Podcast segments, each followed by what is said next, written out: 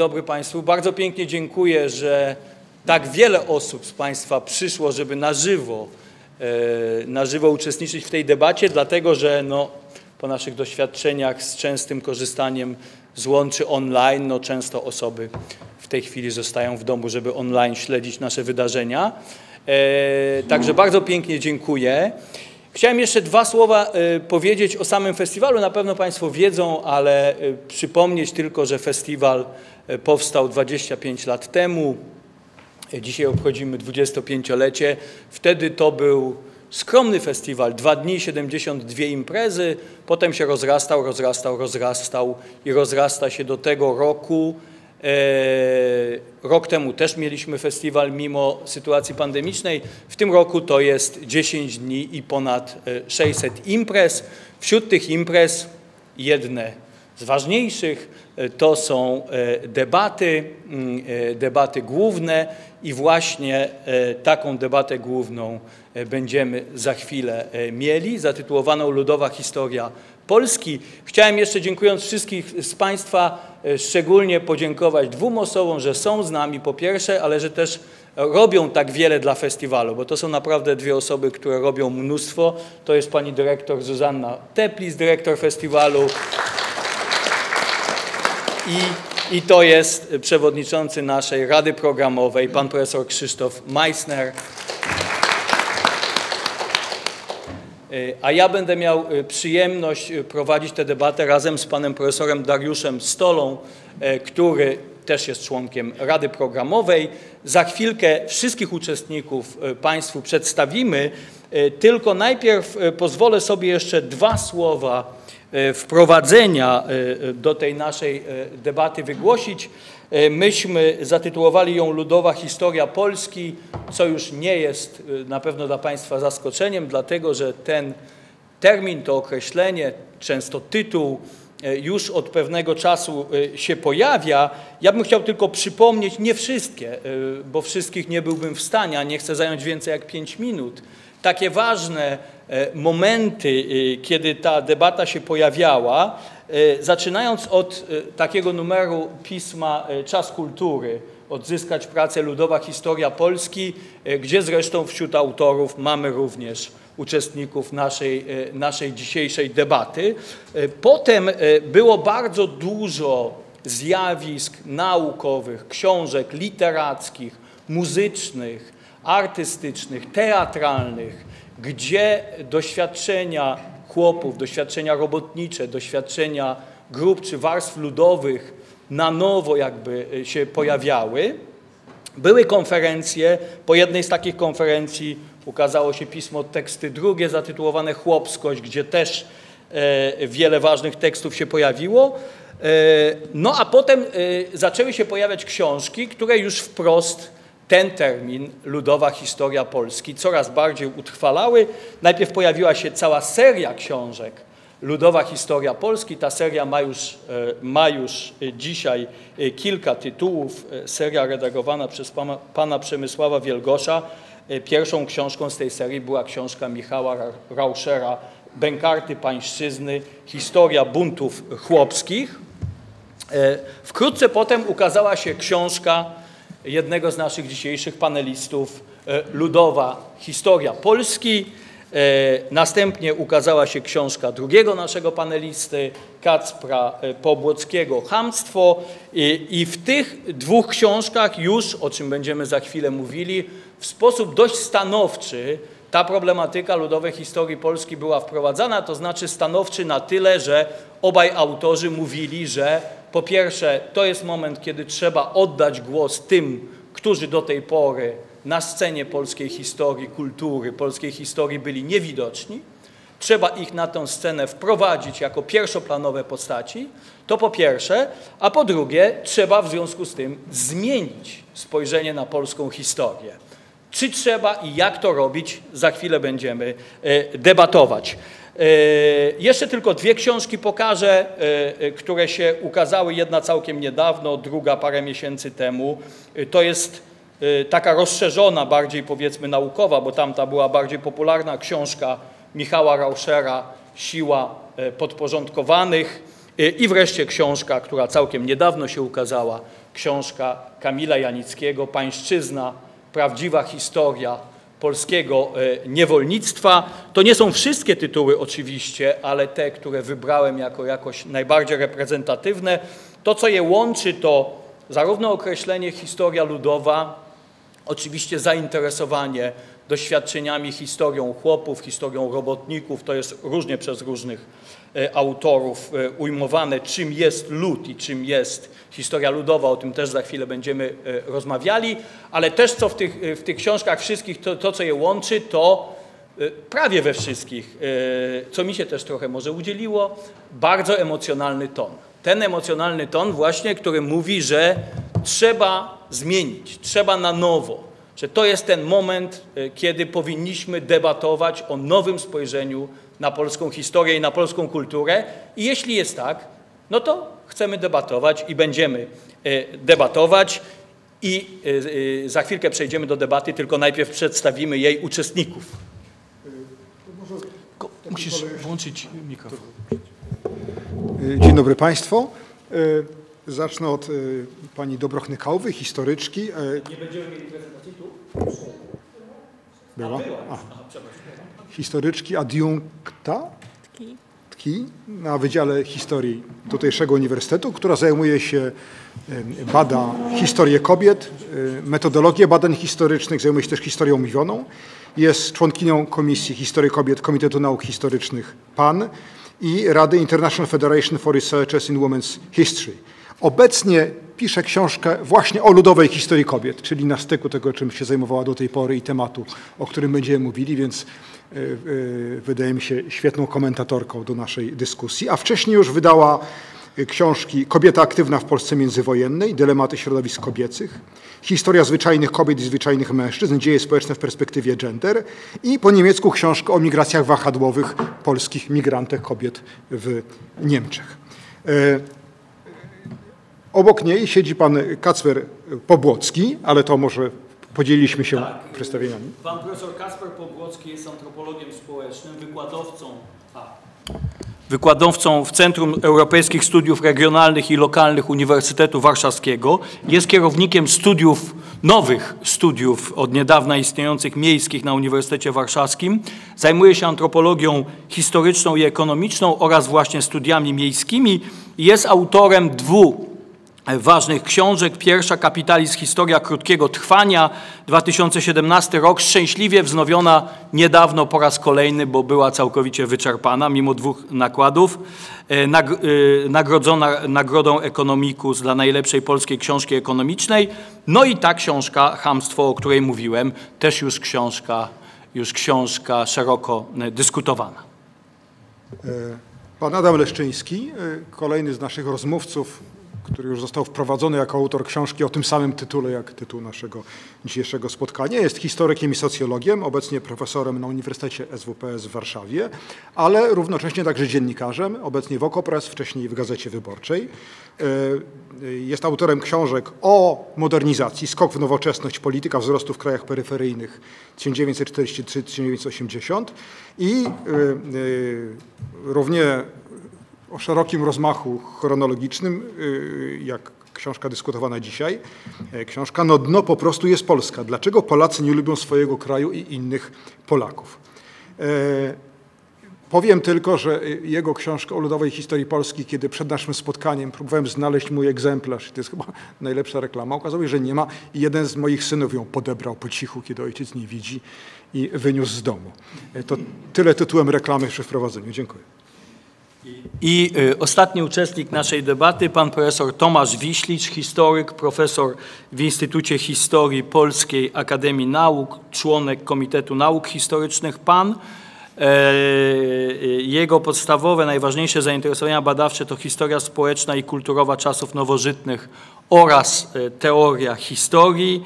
Jest autorem e, kilku książek, trzy z nich wymienię, które bezpośrednio łączą się z naszą problematyką od końca. Najnowsza książka Zelman Wolfowicz i jego rządy w starostwie drochobyckim w połowie XVIII wieku z roku 2020. Kolejna książka Upodobanie, Małżeństwo i związki nieformalne na wsi polskiej XVII-XVIII wiek, wyobrażenia społeczne i jednostkowe doświadczenia 2012 wiek, 2012 rok i ostatni tytuł Zarobić na duszne zbawienie, religijność chłopów małopolskich od połowy XVI do połowy XVIII wieku. To zaczynam. Proszę Państwa, proponujemy następujący porządek. Najpierw oddamy głos dwóm autorom tych książek, żeby powiedzieli, co ich książki wnoszą nowego i ważnego do naszego rozumienia, naszej wiedzy o, o, o historii Polski i co w ogóle cały ten nurt, który przed chwilą, tam widać już pokaźny stos, ale niewyczerpujący wszystkich publikacji do polskiej historiografii yy, wnosi, a następnie oddamy głos komentatorom i jako pierwszego... Ile mamy czasu? Niedużo. 10 minut? Po 10 minut w pierwszej turze i potem będzie druga tura i następnie czas jeszcze na pytania z sali. Także bardzo proszę, Adam Leszczyński jako pierwszy. Tak, e, dziękuję bardzo za zaproszenie do udziału w tej dyskusji. Ja bym chciał zacząć swoją wypowiedź od cytatu, który e, pochodzi z e, krótkiego, e, z kalendarium historycznego Muzeum Historii Polski. Na stronie internetowej Muzeum Historii Polski, najważniejszej instytucji muzealnej zajmującej się historią Polski w budowie. Jest kalendarium najważniejszych wydarzeń z historii Polski. Jest nam hasło uwłaszczenie. I teraz co czytamy na temat uwłaszczenia? To nie jest całe hasło, ale to jest jego kluczowa część. Kwestia pańszczyzny była ważnym tematem dyskusji w Królestwie Polskim jeszcze przed wybuchem Powstania Styczniowego. W 1860 roku na walnym zebraniu Towarzystwa Rolniczego w Królestwie ustalono szczegóły reformy dotyczące oczynszowania jego wysokości i wykupu służebności. Projekt był propagowany m.in. z pomocą duchowieństwa, które ogłaszało treść reformy z Ambon. W 1861 roku w wielu majątkach ziemskich zaczęto odchodzić od pańszczyzny. Reforma uruchomiona siłami społecznymi uzyskała, mimo złych stosunków z towarzystwem, poparcie Aleksandra Wielopolskiego. Ostatecznie w 1861 roku wyszedł ukaz znoszący pańszczyznę w gospodarstwach nie mniejszych niż trzy morgi w zamian za okup.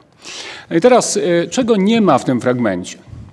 No, I to jest typ charakterystyczny, to jest pewien morał płynie z tego, mm, e, z tego cytatu. Mianowicie nie ma informacji o tym, że w roku 1861 wybuchło, wybuchł gigantyczny bunt chłopski, który ogarnął nawet być może jedną trzecią mieszkańców wsi w Królestwie Kongresowym, że projekt zniesienia, o którym jest tutaj mowa, E, e, uwłaszczenia i zniesienia pańszczyzny przez, e, przygotowany przez Towarzystwo Rolnicze był dla chłopów bardzo niekorzystny, ponieważ obejmował wieloletnie spłaty rozłożone na dekady. Miał też bardzo skomplikowaną strukturę. I że ukaz znoszący pańszczyznę w gospodarstwach, ten carski ukaz, który de facto zawieszał w dużym stopniu pańszczyznę w roku 1861, on nie, był, nie wyszedł po prostu, tylko był wywalczony. No. Czego tu również brakuje w tym opisie? No brakuje informacji, że ten bunt chłopski, e, gigantyczny, ogromny bunt chłopski, e, był tłumiony przez wojska carskie, które były wzywane przez właścicieli, przez polskich właścicieli, Polaków, właścicieli ziemskich. No i często byli to ci sami właściciele, którzy kilkanaście miesięcy później, całe dwa lata później próbowali zachęcić chłopów do udziału w powstaniu styczniowym. No i tej informacji tu nie ma. E, e, I to jest właśnie taki sposób opowiadania historii, przeciwko któremu, przeciwko któremu napisałem swoją książkę. To znaczy sposób, w którym e, po pierwsze wymazuje się realny konflikt społeczny z historii Polski, sposób, w którym jest, wymazuje się w ogóle aktywność warstw ludowych jako podmiotu politycznego, społecznego. O niej się w ogóle nie mówi. No? Zwróćcie uwagę, proszę Państwa, że to nie jest przypadkowy tekst. No to jest kanoniczna wykładnia historii Polski przez Muzeum Historii Polski proponowana. Tak? Taki dla, dla osób, które chciałyby się dowiedzieć, na czym polegało właszczenie, o co w nim chodziło, no to to jest takie hasło, które się pokazuje. E, nie wiem, co o tym e, myślicie, ale moim zdaniem to zafałszowuje po prostu historię. teraz e, przechodząc do, do odpowiedzi na pytania, do odpowiedzi na pytanie prowadzącego, to znaczy mm, co nowego, co nowego wnosi, mogę mówić o swojej książce, te książki tutaj, które były pokazywane nam na początku, są bardzo różne. Należą do różnych dyscyplin naukowych, nie wszystkie są naukowe, stosują różną metodologię, mają różne zakresy i tak dalej. Więc, to, więc próbując opisać przypomnieć, nawet nie tyle, e, bo to nie są nowe rzeczy. Tak? Ja zupełnie świadomie, pisząc tą książkę, e, oparłem się e, na, nie na badaniach archiwalnych, tylko po prostu na pracach innych, innych badaczy.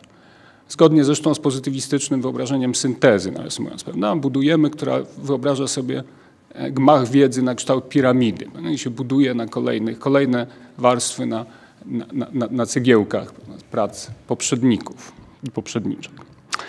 E, a zatem centralnym tematem mojej książki jest historia Polski w całości opowiedziana z perspektywy e, społecznej redystrybucji zasobów, czyli e, a w transferu dóbr, rozmaitych dóbr, nie tylko pieniądze, ale pracy, różnych dóbr materialnych od warstw ludowych w stronę elit i ona jest w tej książce opisywana jako centralne wydarzenie historyczne. Takie jest założenie.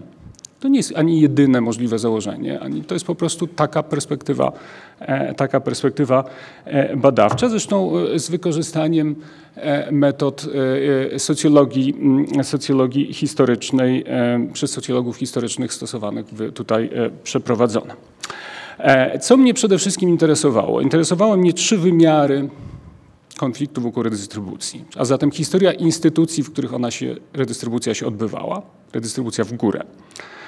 E, dyskurs dominacji, czyli można powiedzieć obudowa ideologiczna, tego uzasadnienie tej, e, tego transferu e, oraz techniki oporu, rozmaicie rozumianego. Nie tylko buntu, ale także, ale także sabotażu, można to tak nazwać pewnie różnych technik oporu wobec, wobec tego procesu. E, I teraz, jeżeli chodzi o konstrukcję, bardzo zależało mi również, żeby ta książka była dostępna dla także, a może nawet przede wszystkim dla niefachowych czytelników, w sensie dla wykształconego polskiego inteligenta. I stąd wynika trochę jej wielowarstwowa struktura. Ona ma cztery piętra narracyjne i, I, można sobie wyobrażać na, na, na, kształt takiej piramidy, prawda, gdzie na, na, na dole jest, yy, yy, dół jest dostępny dla najmniej fachowego czytelnika, wykształconego, inteligentnego czytelnika, czytelniczki. I, i, I, zaczynając od, od spodu, no to na, na, na, dolnym piętrze jest anegdota, która pokazuje, ilustrująca mechanizm redystrybucji oporu. Wielu czytelników i czytelniczek mam wrażenie, się na tym zatrzymało. To jest w porządku, z mojej perspektywy jako autora. Potem mamy pewną opowieść o ewolucji instytucji, o długim trwaniu i ewolucji instytucji redystrybucji i przemocy, która towarzyszyła temu. E, wreszcie trzecie piętro to jest e, pewien model socjologiczno-historyczny, o którym być może jeszcze zdążę powiedzieć, to o, e, oparty o, o rywalizacji elit o, o zasoby. E, o tym może, jeżeli będę miał okazję, jeszcze opowiem, ponieważ tutaj wydaje mi się, nie, nie, nie jest po prostu na to za, za, mało czasu w tym momencie. I wreszcie czwarty, który jest już naprawdę e, poziomem, myślę, e, dla, dla koneserów, no to jest pewna dyskusja z dużą częścią literatury historycznej, naszej, przyjmującej perspektywę, którą, która jest perspektywą patriarchalną, to znaczy historia jest opowiadana przede wszystkim jako historia mężczyzn, jest to historia elitarna, czyli nie dość, że mężczyźni, ale także mężczyźni z elit społecznych. E, I wreszcie nacjonalistyczna, czyli w której naród definiowany jako wspólnota, bardzo niejasno często jakieś wspólnota kultury, wspólnota krwi, wspólnota więzów rodzinnych. Jest, on jest często rozumiany w tych pracach na kształt takiej rozszerzonej rodziny patriarchalnej, prawda, która rywalizuje z innymi rodzinami o zasoby. Więc y, y, tutaj w tej książce starałem się w różnych momentach pokazać uwikłanie dużej części literatury historycznej w, ten, e, w, takie, w, taki, e, w taki sposób opisywania narodowych dziejów. I teraz nie, nie mogę się powstrzymać od tego, bo oczywiście, przepraszam Darko, zacytuję, dobrze? Po usłyszałem na swój temat bardzo dużo na temat tej książki. Oczywiście zdawałem sobie doskonale sprawę, że ona wzbudzi bardzo, bardzo polaryzujące reakcje. I mogę Państwu parę cytatów z nazwiskami autorów, bo one są publiczne. A zatem profesor Maciej Urbanowski pisał, napisał, powiedział, bo to jest zapis dyskusji, że książka moja, ale także to się odnosi do książki e, Kacpra Powłockiego, że zamierza dokonać gwałtownej, bezpowrotnej destrukcji polskości i jej fundamentów. Andrzej Nowak, profesor Andrzej Nowak, historyk. Chodzi o napisanie recepty, dlaczego Polski trzeba nienawidzić. E, profesor Michał Łuczewski, socjolog z Uniwersytetu Warszawskiego, wnuk Zygmunta Baumana, to o mnie. To. Um, nie wiem, czy to jest komplement. Raczej nie było to powiedziane jako komplement. E, I wreszcie profesor Henryk Głębocki, historyk z Uniwersytetu Jagiellońskiego, e, już, już kończę, przenoszenie schematów, to jest dłuższy cytat, przenoszenie schematów teorii rasowych, kolonialnych, genderowych z zupełnie obcego gruntu, opisujących inne uwarunkowania zastosowane do opisu sytuacji Polski, prowadzi do wymieszania pojęć i kontekstów. Czytelnik zostaje wręcz przytłoczony pseudonaukowymi terminami, które mają cechy ezoterycznego wtajemniczenia. E, no więc tak, e, także, e, ty, także tymi cytatami chciałem zakończyć i, i podziękować za głos. Bardzo dziękuję. Dokładnie 9 minut i 50 sekund. Wzorowa dyscyplina. Bardzo proszę, głos ma Pan. Dzień dobry, dziękuję bardzo za zaproszenie. I mi bardzo trudno jest odpowiedzieć na pytanie, co ta książka y, nowego mówi o historii Polski, bo jakby ja nigdy nie pisząc ją, no, nie miałem tego nigdy w głowie i to nie był mój cel, żeby w jakiś sposób rewidować historię Polski. Ja tę książkę napisałem nawet nie wbrew komu, ja wbrew nikomu. Napisałem ją z takiego antropologicznego poczucia obowiązku.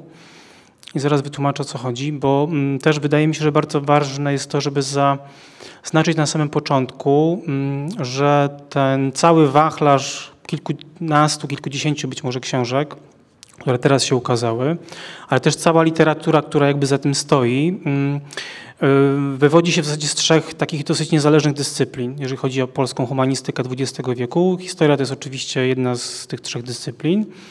Druga to jest etnologia, e, antropologia kulturowa, społeczna. E, takie postacie jak Bystroń, e, Burszta, Jacek Oleński, dla mnie bardzo ważna postać. I trzecia dyscyplina niezależna od noga to jest folklorystyka, literaturoznawstwo, tak? czyli Krzyżanowski, Roch Sulima, ale też Wiesław Myśliwski. I, I wydaje mi się, że to jest bardzo ważne, żeby na to zwrócić uwagę, bo na przykład ten, to, o czym powiedział pan profesor Rodak, o postulacie oddawania głosu, to w antropologii jakby nie jest nic ani szczególnie nowego, ani nic szczególnie zaskakującego. To jest dokładnie jakby fundament tej dyscypliny. Znaczy antropologia pojawiła się jako dyscyplina, której celem jest oddanie głosu tym, którzy tego głosu nie mają. To jest jakby taki podstawowy cel każdego antropologa i każdej e, antropolożki. I ja w momencie, w którym też odpisy, opisywanie rzeczywistości nie z perspektywy wyżyn, ale dołów społecznych. Tak? To jest coś, co każdy antropolog, każda antropolożka chce zrobić. E, więc, więc ja wyjechałem z Polski jako 17-latek i większość mojej edukacji spędziłem poza Polską i w 2011 roku E, dostałem pracę w Poznaniu w Instytucie Etnologii i wylądowałem tam w, w Zakładzie Etnologii Polskiej, którą wtedy się jakoś szczególnie nie interesowałem, bo interesowały mnie miasta, napisałem doktorat o Łodzi. I tam e, rozmawiałem, siedziałem w pokoju z takim starym profesorem polskiej etnologii i tak w pewnym momencie z ciekawości zapytałem się go, że polecił mi książkę, która opisuje życie codzienne chłopa pańszczyźnianego. I on wtedy zdębiał. Czy po prostu go, bardzo zdziwiło go to pytanie. Ja byłem przekonany, że taka książka jest. Znałem wieś i karczmę Józefa Burszty, którą uważam za absolutny majstersztyk e, humanistyki nie tylko polskiej, ale też światowej. I to zdziwienie jakoś dało, było dla mnie takim sygnałem, że to jest temat, którym być może warto się e, zainteresować. I pomyślałem, że skoro takiej książki nie ma, to warto ją napisać. Oczywiście potem znalazłem taką książkę, e, książkę Bogdana Baranowskiego o życiu codziennym wsi w rejonie łódzkim w XVIII wieku, ale koniec końców jakby moim celem było wypełnienie tej luki, to znaczy, bo o pańszczyźnie folwarku bardzo dużo się w Polsce mówi, nie tylko w kontekście naukowym, ale też publicystycznym, natomiast to, o czymś ta pańszczyzna, jakby ja bardzo długo nie wiedziałem, jakby na czym to tak naprawdę polegało, znaczy jakby na czym polegała codzienność tego, tego ustroju, tego systemu. Tak? Nie byłem w stanie sobie tego po prostu wyobrazić. Więc celem moim było po prostu opisanie jakby tamtego momentu historycznego, tego doświadczenia z tej oddolnej perspektywy. Tak? Czyli to jest to, co robią antropolodzy i antropolożki.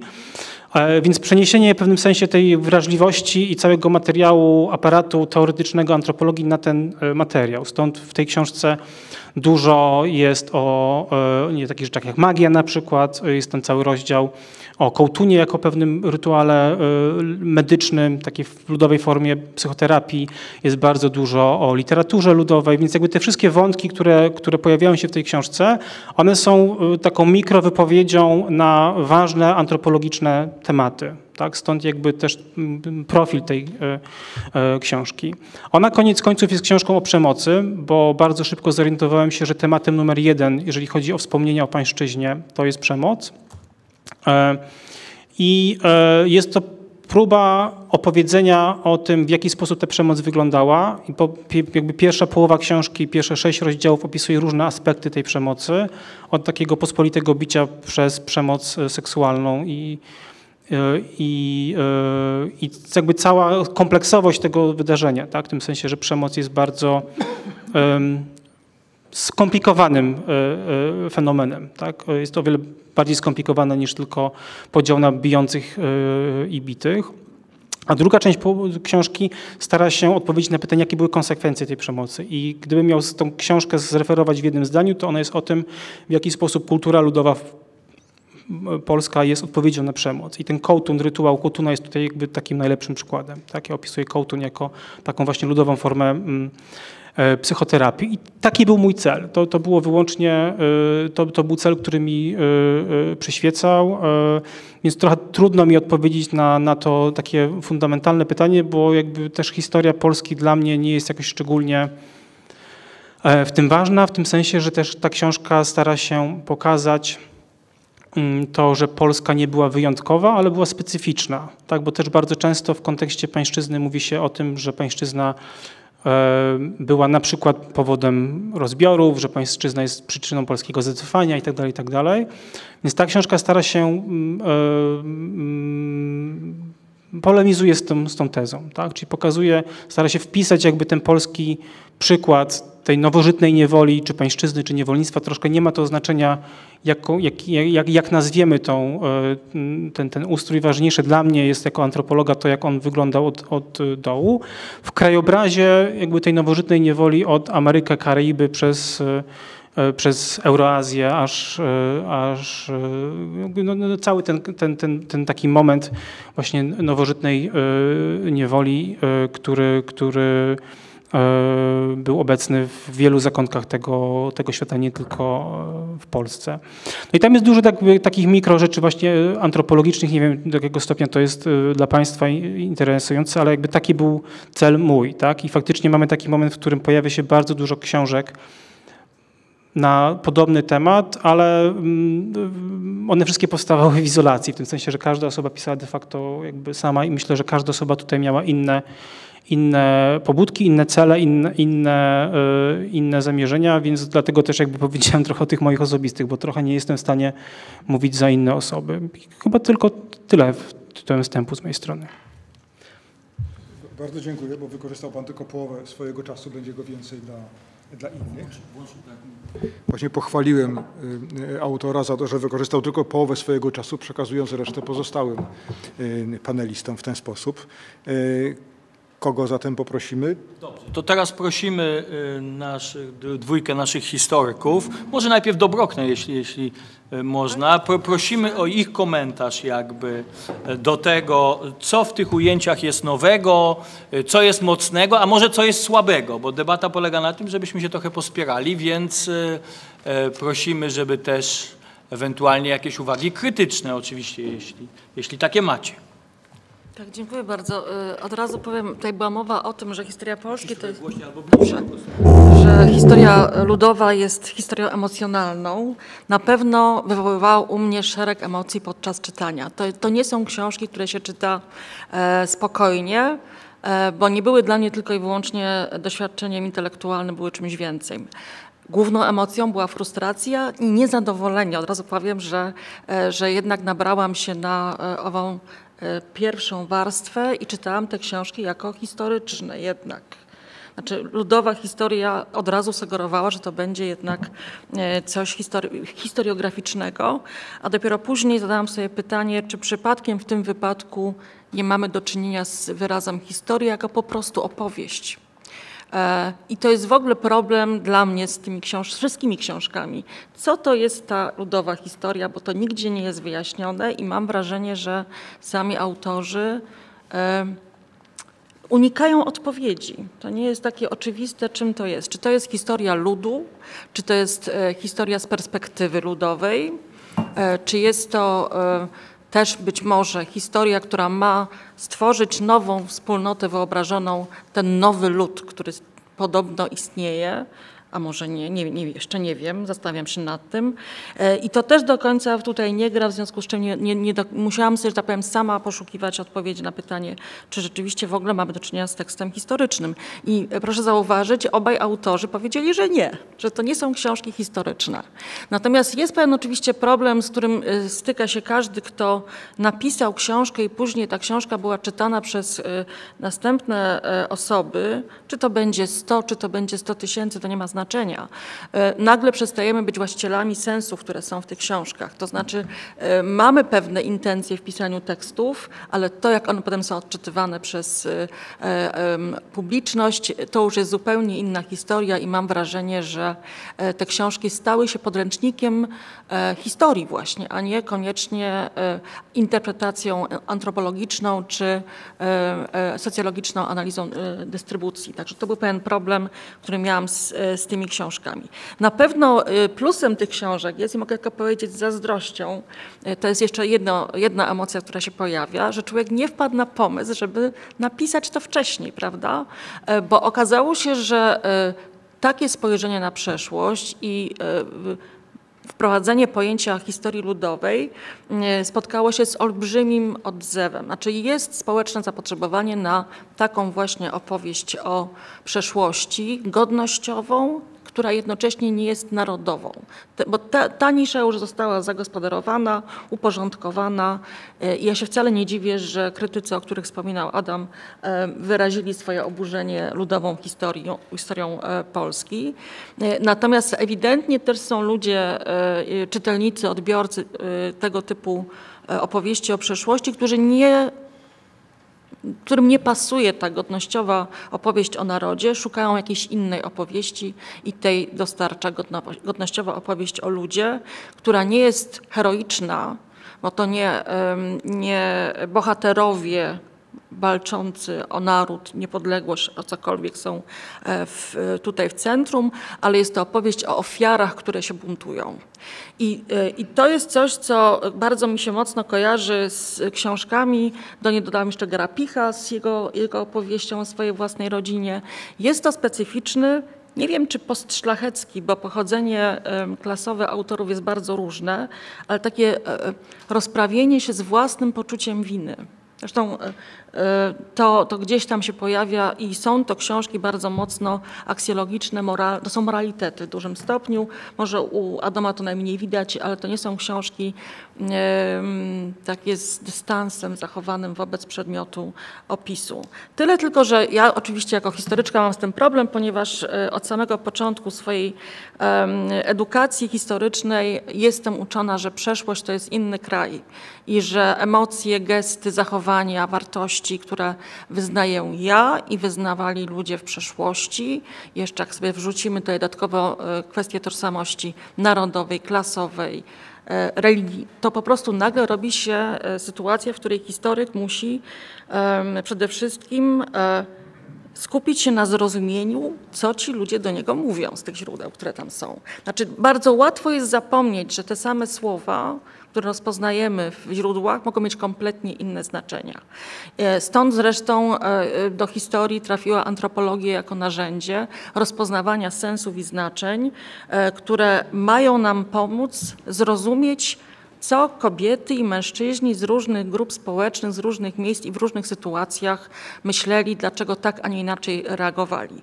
E, nie bez racji na e, wszystkich zajęciach z zakresu antropologii historycznej e, czyta się tekst Darntona Wielka rzeź kotów, która jest w zasadzie opowieścią biednego badacza, który nie rozumie, dlaczego ludzie mogli się śmiać i cieszyć z okrucieństwa zadawanego zwierzętom.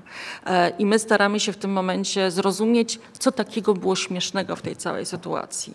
Jak można było traktować palenie na stosie jako coś, jako rozrywkę, tak?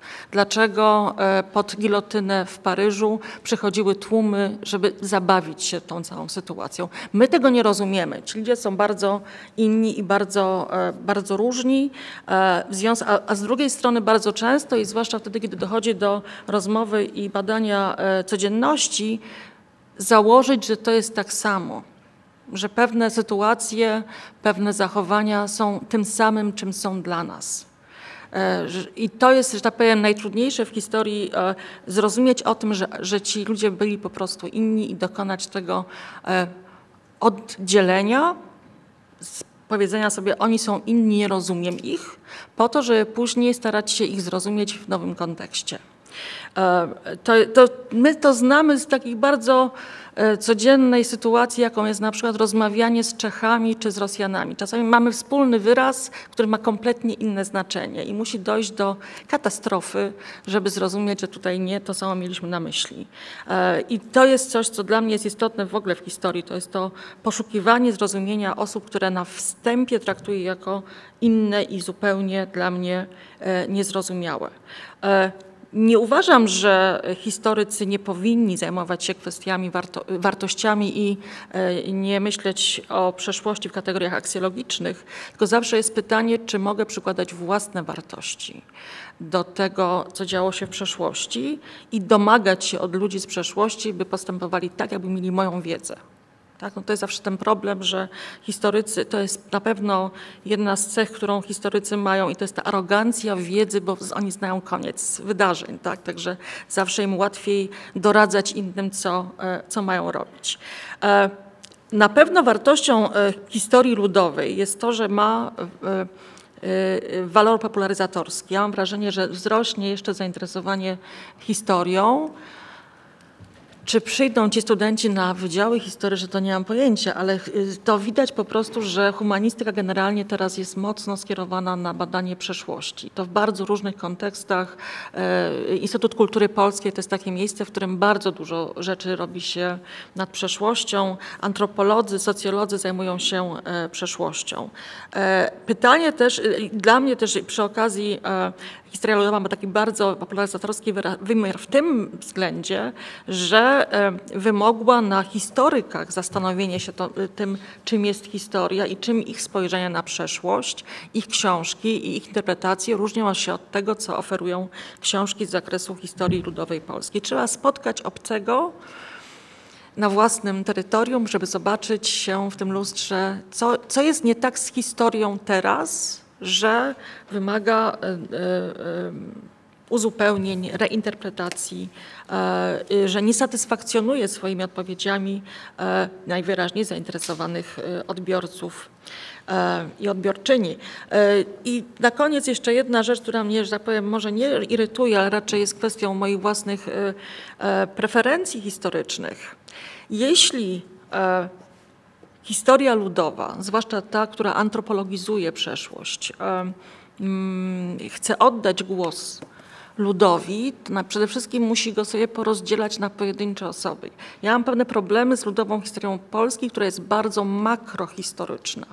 To jest opowieść o dużych grupach, o ludzie, tak, który jest w tym momencie mało zróżnicowany, podczas gdy wydaje mi się, i tutaj akurat jest, jest to ścieżka, którą historycy i historyczki zapożyczyły, czy zainspirowani zostali e, przez e, antropologię, e, wejście w mikroopowieść, wejście w mikroanalizę niewielkich grup, bo wtedy, kiedy przyglądamy się poszczególnym osobom i ludziom z bliska, widzimy, jakie to jest bardzo zróżnicowane towarzystwo. Ile tam jest y, napięć, warstw, interakcji między ludźmi, którzy wspólnie mieszkają i żyją. I ten podział na ofiary i sprawców już jest taki, robi się bardziej skomplikowany i bardziej e, ambiwalentny. E, przy okazji jeszcze wtedy e, no, możemy rzeczywiście tych ludzi upodmiotowić, bo patrząc na nich prosto w twarz, widzimy ludzi. Patrząc na nich z lotu ptaka, widzimy po prostu punkciki, które nam się zlewają w jedną homogeniczną e, grupę. E, w związku z czym mikrohistoria zawsze będzie im bliższą perspektywą niż makro, e, spojrzenie makro, które upraszcza i jednak niweluje różnice. To jest pewien problem, że e, ten lud jest w liczbie pojedynczej, nawet jeżeli ma dwie płcie i, e, i parę innych e, rzeczy. I rzeczą, która też wynika trochę z moich doświadczeń z zakresu historii kobiet, która przechodziła przez fazę walki z dyskryminacją i taką opowieścią o ofierze. Tak? Kobiety jako wieczne ofiary e, patriarchatu, którym było coraz gorzej, coraz gorzej, e, aż po dzień dzisiejszy i tak jak człowiek jest historykiem, to wie, że no może nie do końca w ten sposób można mówić, e, ale mm, ta, ta ofiarnicza perspektywa sprawia, że bohaterowie i bohaterki przeszłości tracą sprawczość. One są tylko biedne wymagają troski i pochylenia się, natomiast nie myśli się o tym, że mają swoje własne sposoby, praktyki i strategie, już nie mówiąc o tym, że wiemy o tym doskonale. E, w naszej kulturze e, ofiara uszlachetnia, ale też jak gdyby zdejmuje w tym momencie z nas e, obowiązek pytania o ciemne strony takiej postaci, prawda? Nawet jeżeli się jest ofiarą, można być sprawcą przemocy wobec innych osób. To jest wszystko bardziej złożone i skomplikowane. Także ja generalnie wydaje, lubię po prostu komplikować, a nie upraszczać, a historia ludowa jednak e, spłaszcza i upraszcza. I ma do tego prawa oczywiście, e, ale też wolałabym, żeby się e, do tego nie ograniczała. Bo wtedy zamiast opowieści o przeszłości zyskujemy bardzo interesujący, ale nowy mit, tej nowej wspólnoty wyobrażonej, jaką są, też do końca nie wiem, czy to są postchłopi, e, czy to są e, biedni postszlachetcy, intelektualiści, którzy patrzą na lud. Dziękujemy pięknie i poprosimy pana profesora Tomasza Wiślicza o swoje zdanie na ten temat. Dziękuję bardzo. E, ja może zacznę od takiej małej, małej uwagi, skoro nie bardzo wiemy, czym jest historia ludowa. To znaczy, wszyscy autorzy trochę inaczej to definiują, niektórzy nie definiują albo definiują mętnie, e, natomiast przyznają się do tego nurtu. E, I jeżeli wyszła już nawet książka Janickiego, to znaczy, że ten nurt istnieje. Po prostu obiektywnie. Jako z punktu widzenia historii historiografii trzeba zauważyć, że jest. Dopiero teraz możemy zacząć opisywać, czym on jest. To jak się rozwinie oczywiście jeszcze trochę, pewnie będzie się rozwijał z różnych powodów. A więc ten nurt istnieje, niektórzy go wpisują szerzej w takie coś, coś takiego, co się nazywa zwrotem ludowym. To jest bardzo może na wyrost e, przyjęte jako jakiś taki mm, zwrot również w kulturze. No, szczerze mówiąc, są to pojedyncze tak naprawdę, póki co jednak raczej ograniczone głównie do strefy, do strefy teatralnej działania, trochę literatury, ale widać pewne e, zainteresowanie tą tematyką. E, ciekawe, jaka jest tutaj e, tak naprawdę skala odbioru i kto jest tym odbiorcą. Biorąc pod uwagę, że mamy do czynienia z teatrem raczej awangardowym, z literaturą piękną, książki autorów, które, które są w tym nurcie, może oprócz, oprócz Janickiego, to są książki jednak ciężkie w czytaniu, mimo Adamie Twoich prób. No właśnie. E, więc nie jest to takie mm, proste. To znaczy, zastanawiałem się, czy to jest. E, autorzy należący do wyższej klasy średniej piszą dla odbiorców z wyższej klasy średniej książkę, którą, w której tytule jest lud. I to ma być historia ludowa. To znaczy, ten lud jest jakby gdzieś tam poza. Nie wiem, to jest, to jest psychoanaliza, próba usprawiedliwienia się, czy może opisujemy kogoś kompletnie z zewnątrz. E, to jest interesujące, ale nie jest to centralne. Chciałem zwrócić uwagę na jeszcze jedną rzecz. Z trzech tej trójcy połączonej, no właśnie nie wiem, czy to jest połączenie administracyjne. Kacper Połocki twierdzi, że to przypadkowe połączenie tych trzech prac, to znaczy Leszczyńskiego, Pobłockiego i Rauschera. E, dwóch autorów e, publicznie zadeklarowało się, że te książki wychodzą niejako z ich życia. E, jest to bardzo ważne moim zdaniem z punktu widzenia celów napisania. Obydwa, obydwie są tłumaczone przez autorów, między innymi jako coś, co pomaga im przepracować własne historie. I jak najbardziej ma to, ma, to, ma to znaczenie. Natomiast w przypadku książki Adama Leszczyńskiego, Adam się w pewnym momencie dość jasno deklaruje, że jest to, jest to projekt polityczny, ponieważ każda historia jest polityczna. E, zresztą ten to, co, co mówiłeś wyraźnie, to jest jednak e, sprzeciw wobec narracji nacjonalistycznej, można to powiedzieć tak, tak oczywiście. E, I coś tym jest, to znaczy ja rozumiem sensowność tego projektu politycznego, no bo mamy do czynienia z sytuacją, w której e, no, istnieje coś takiego jak polityka historyczna, jest wtłaczana na każdym poziomie, teraz począwszy, już od dawna począwszy od szkoły. Troszkę widać też, że e, autorzy nie tylko historii ludowych, a nawet jeszcze bardziej ci zwrotu ludowego, którzy nie są e, w ogóle badaczami, e, znacznie bardziej odnoszą się nie do historiografii, tylko odnoszą się do tego, czego się uczyli w szkole, maksymalnie średniej i tego, co słyszą z mediów, a nie do historii jako takiej. E, niemniej jednak, również w pracach e, historii ludowej, a może nawet bardziej w wypowiedziach ich autorów, historycy zostali ustawieni na stanowisku takiego czwartego charakteru. E, kiedy zostałem zaproszony do tej, do tej debaty, powiedziałem, napisałem do, do, do organizatorów, czyli do, do profesorów tutaj siedzących na końcach, że właściwie nie widzę większego sensu debatowania, ponieważ wszystkie argumenty zostały już powiedziane, to było parę miesięcy temu wszystkie krytyki wygłoszone e, i wszystkie role rozdane.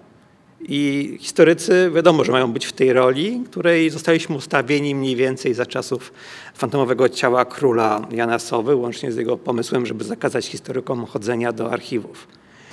E, I Dobrokna zadała takie pytanie, że właściwie dlaczego nie wpadliśmy na, na wcześniej taki pomysł, żeby napisać historie ludowe. E, otóż nie bylibyśmy wysłuchani. Pewne zacne grono ostatnio musiało zaprosić amerykańskiego historyka dziejów Polski, żeby dowiedzieć się czegoś, co historycy polscy mówili im co chwila. Nie, dopiero amerykański historyk to jest ktoś, kto powie. No więc niestety, e, to jest to też widać niestety w, w, w mm, tym projekcie politycznym. E, rozszerzam go już teraz na, nie tylko na, na pracę Adama, że ta polityczność tego, tego, tego, tego projektu historii ludowej, ona jest gdzieś tam bazuje na, na konflikcie. Nie na, konf nie na badaniu konfliktów w przeszłości, tylko na konflikcie teraz i właśnie z kim. Oczywiście powinno być, powinien być to konflikt z wytwórcami e, tej takiej polityki historycznej w sensie historii e, narracyjnej, właśnie takiej narracji historycznej, bo nawet nie jest historia, narracja historyczna e, o charakterze politycznym. I teraz tak, e, zarówno w książce, jak i w ostatnich wypowiedziach Adam Leszczyński na przykład bardzo wyraźnie pozycjonuje się wokół, wobec, Adama, e, wobec Andrzeja Nowaka. To jest bardzo charakterystyczne. Obaj piszą wielkie syntezy. Swoją drogą, jak wygląda niepozytywistyczna synteza? E, wielkie syntezy, które e, mają narzucać taki wielki, wielkie spojrzenie, właściwie monokauzalne na dzieje Polski. E, I tak, oczywiście, zgadzam się z Adamem Leszczyńskim, że skoro Andrzej Nowak może, to on również może.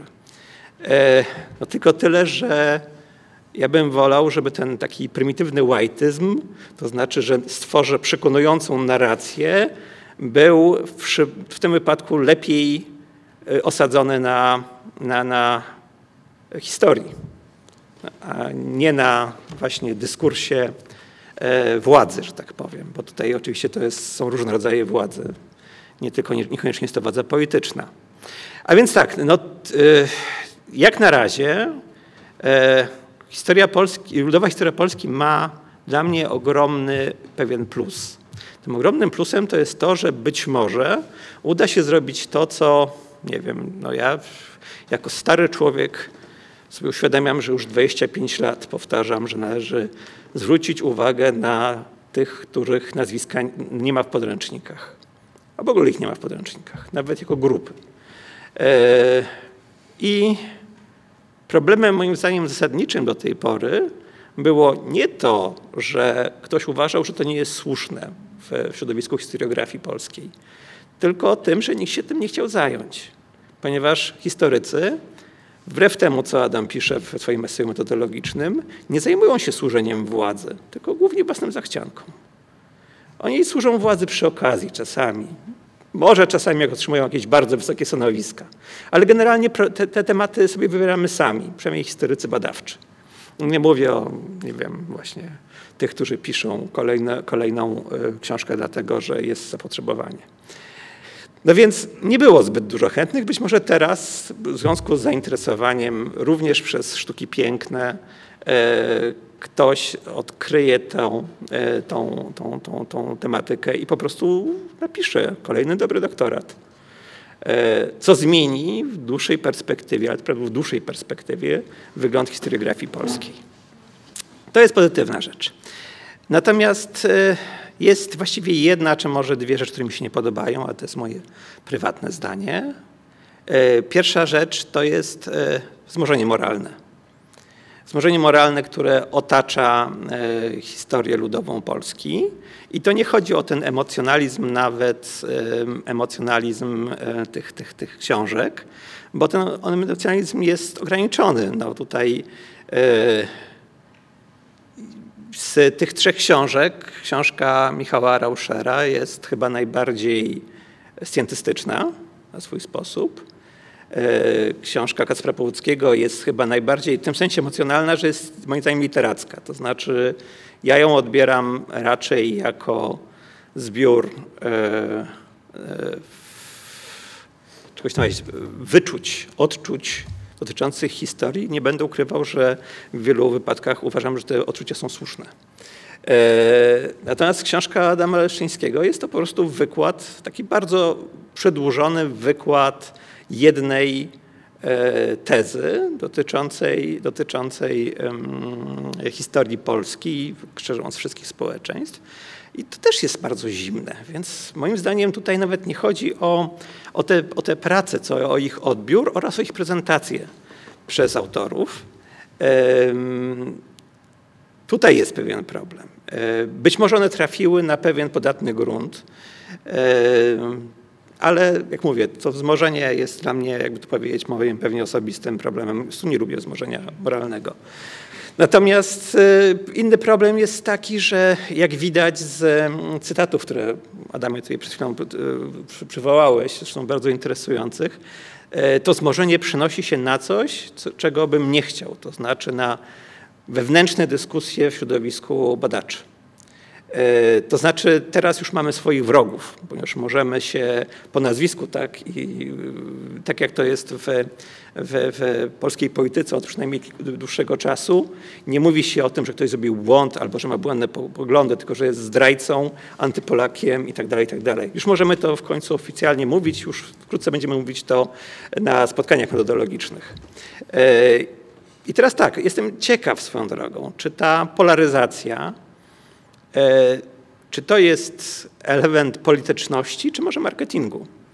Marketingu historii ludowej jako produktu. E, Adam, sam napisałeś, że ważniejsze dla ciebie jest, uważasz, że pod wszystkim jednak jest tu ekonomiczne, a nie kulturowe, więc zakładam, że tutaj też ten marketing chyba jest ważniejszy niż polityczność. E, no i teraz nie wspomniałeś o życzliwej uwadze prezesa. Którą kiedyś odnotowywałeś każdą uwagę. Nie wspomniałeś Prezesa o... Kaczyńskiego. Tak, a o, o kim innym mówimy. Miałem nie prowadzić autoreklamy. No właśnie. Nie wspominałeś o początkowym zainteresowaniu pisowskich intelektualistów tym, tym takim samym ide, ideą, jak tak systemowo pokazać sprzeciw ludu wobec elit, co jest się zgadza. Na szczęście e, Andrzej Nowak i jego środowisko połknęły haczyk, to znaczy już zaczynamy walkę na śmierć i życie, więc wydaje mi się, że w takiej polaryzacji chyba się dobrze czujesz, ale może się mylę. E, w związku z tym jestem ciekaw, do czego to doprowadzi, to znaczy nie, nie, chciałbym, żeby, żeby rozmowa na temat zajmowania się historią nienacjonalistyczną, skupioną na szerokich warstwach społecznych, używających inną niż taką metodologię, którą skrytykował swego czasu White,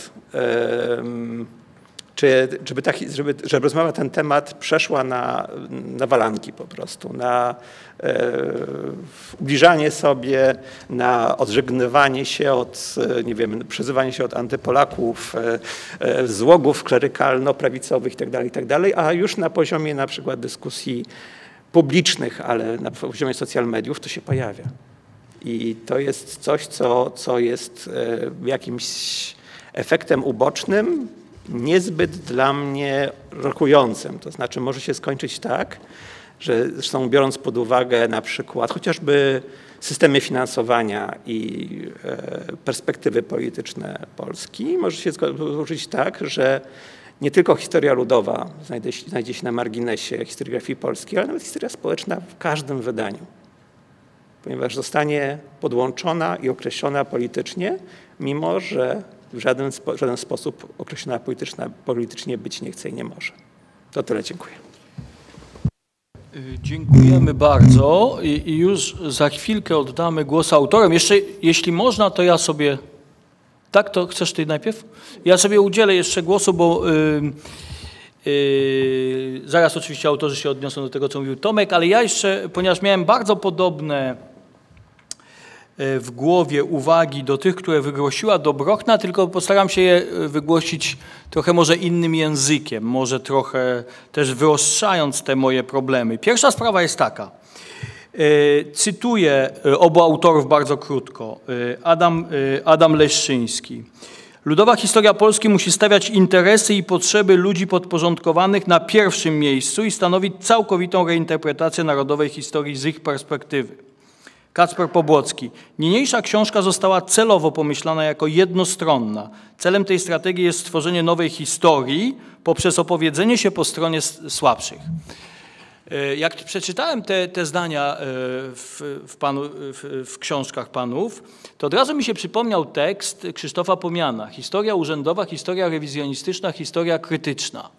Otóż czy zgodzicie się, że to jest świetna, ale historia rewizjonistyczna, to nie jest historia krytyczna. Dlaczego? Dlatego, znaczy rozumiem, nie, nie trzeba pisać jakby historii krytycznej.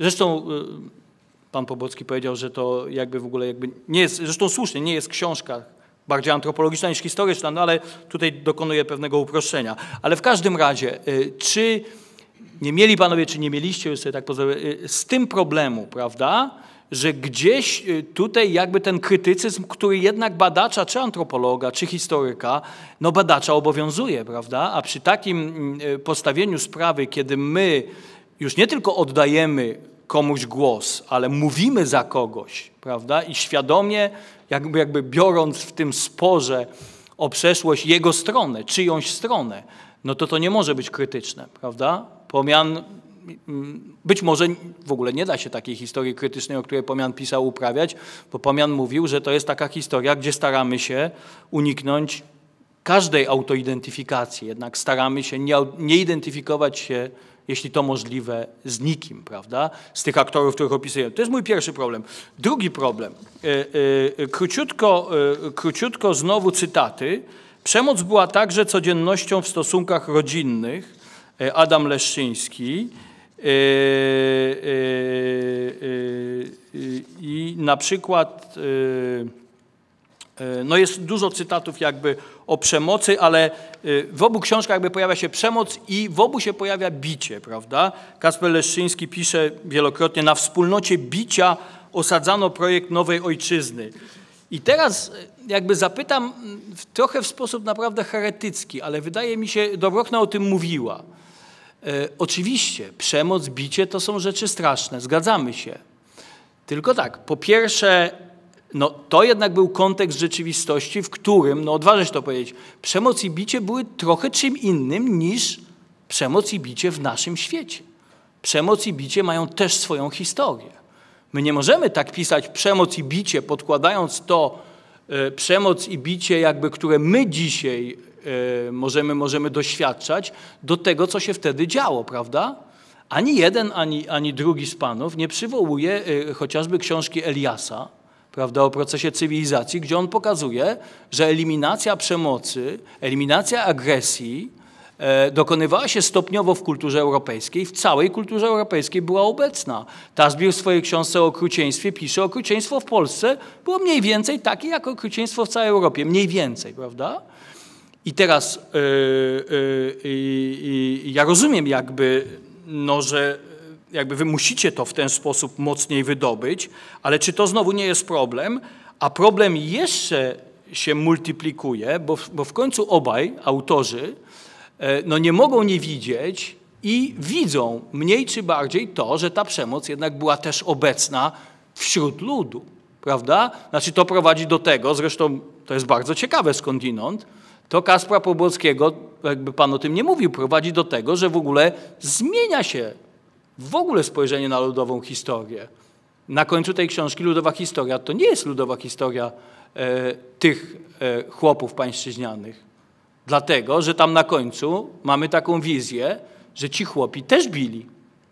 Ci chłopi bili swoje kobiety. Nie tylko bili zwierzęta i tak ale ci chłopi też bili. I dlatego tu się pojawią zdania, historia ludowa to jest historia kobiet. To już właściwie nie może być, e, e, nie może być historia szerzej rozumiana. E, no tej przemocy było mnóstwo, prawda? I teraz można oczywiście i to w pewnym sensie się pojawia w tych książkach, ale dla mnie za mało. Można powiedzieć, że ona była reakcją, no to, to zresztą panowie mówili, że ona była reakcją na doświadczaną przemoc. To my wiemy, że ofiara, która doświadcza przemocy, sama przemoc potem stosuje. Natomiast trochę mi zabrakło, jakby za mało było opisania tego mechanizmu. E, to druga sprawa. I trzecia, e, to co ty, Dobrochno, mówiłaś, e, Czarnowski, że się powołam na na e, klasyka antropologii i socjologii.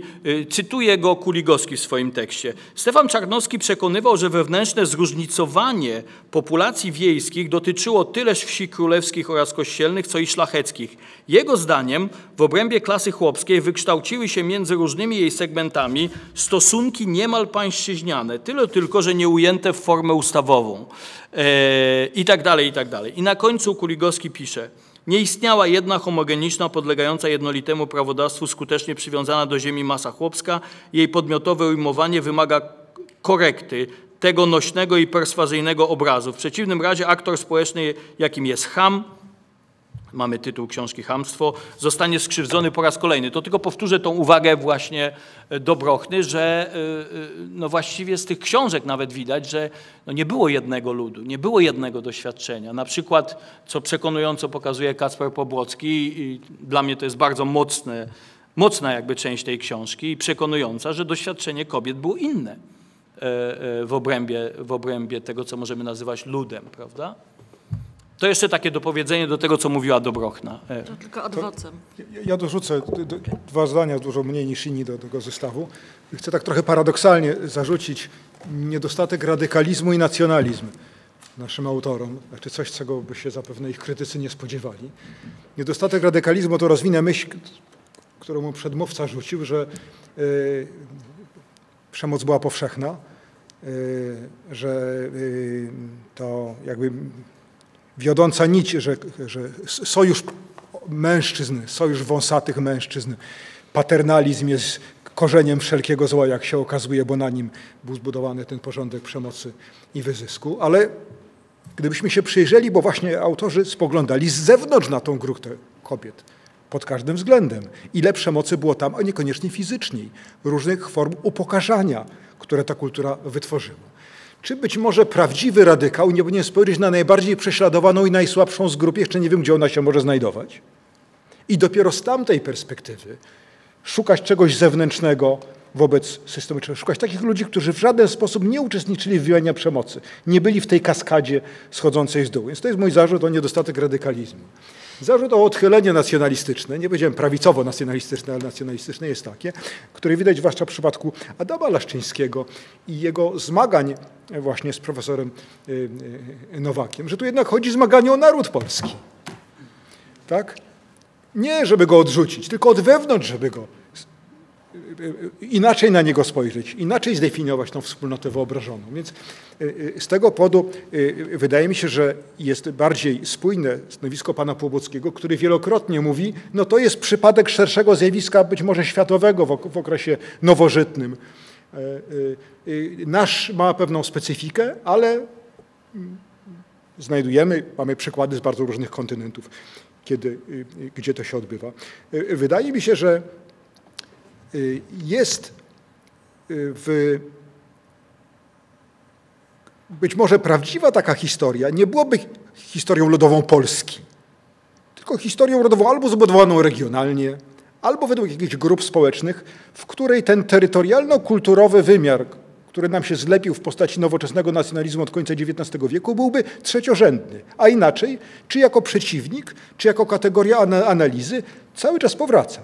Po pierwsze, lud polski jako taki nie istniał aż do przełomu XIX i XX wieku. Z pewnością jego członkowie by się tak nie nazywali. Był zróżnicowany region. Jeżeli się jakoś definiował, to nie, nie w ten sposób. Więc być może tutaj jest droga wyjścia po, poza to.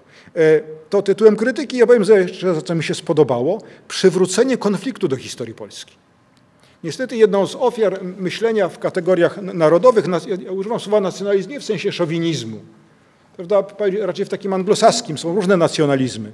Y, y, więc jednym z, z, z efektów y, takiego odchylenia ogólniejszego nacjonalistycznego jest to, że jak mówimy o konfliktach w historii Polski, to są konflikty z kimś innym. To są konflikty Polaków z kimś innym, wojny zewnętrzne, zdrajcy.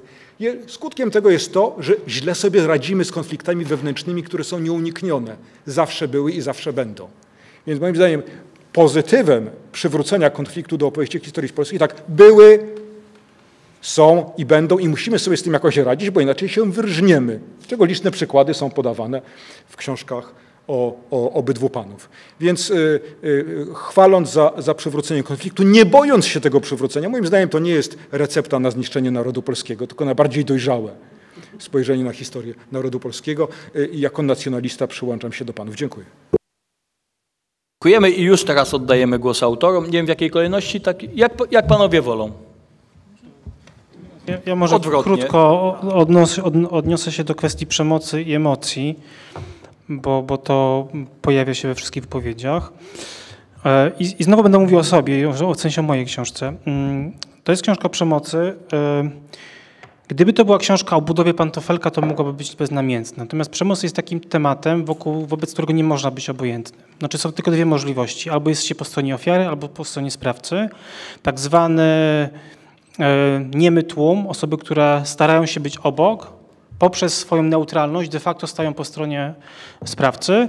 E, na przykładzie pańszczyźnianym to bardzo dobrze i jakby tej, przemocy pańszczyźnianej to świetnie ujął Piotr Ściegienny, tak? w takim e, cytacie, którego z głowy nie pamiętam, on jest w książce właśnie mówiąc, że, że, że tak, tak naprawdę ta szlachta nas nie bije, to my bijemy samych siebie, bo po pierwsze to bardzo często służba e, czyli chłopi de facto dokonywali tych aktów przemocy, a poza tym ci właśnie, którzy stali, stali starali się być jakby obok, starali się być neutralni, de facto pozwalali na tą przemoc. Więc to jest taki temat, który nie pozwala być obojętnym po prostu. Jakby koniec końców każdy i każda musi się po jakiejś stronie e, opowiedzieć. I e, ta książka mm, jakby tego się nie boi. Tak? Ta książka stara się E, ten dylemat pokazać. Znaczy nie ukrywa tego dylematu, tylko ten dylemat stara się pokazać. To jest pierwsza rzecz.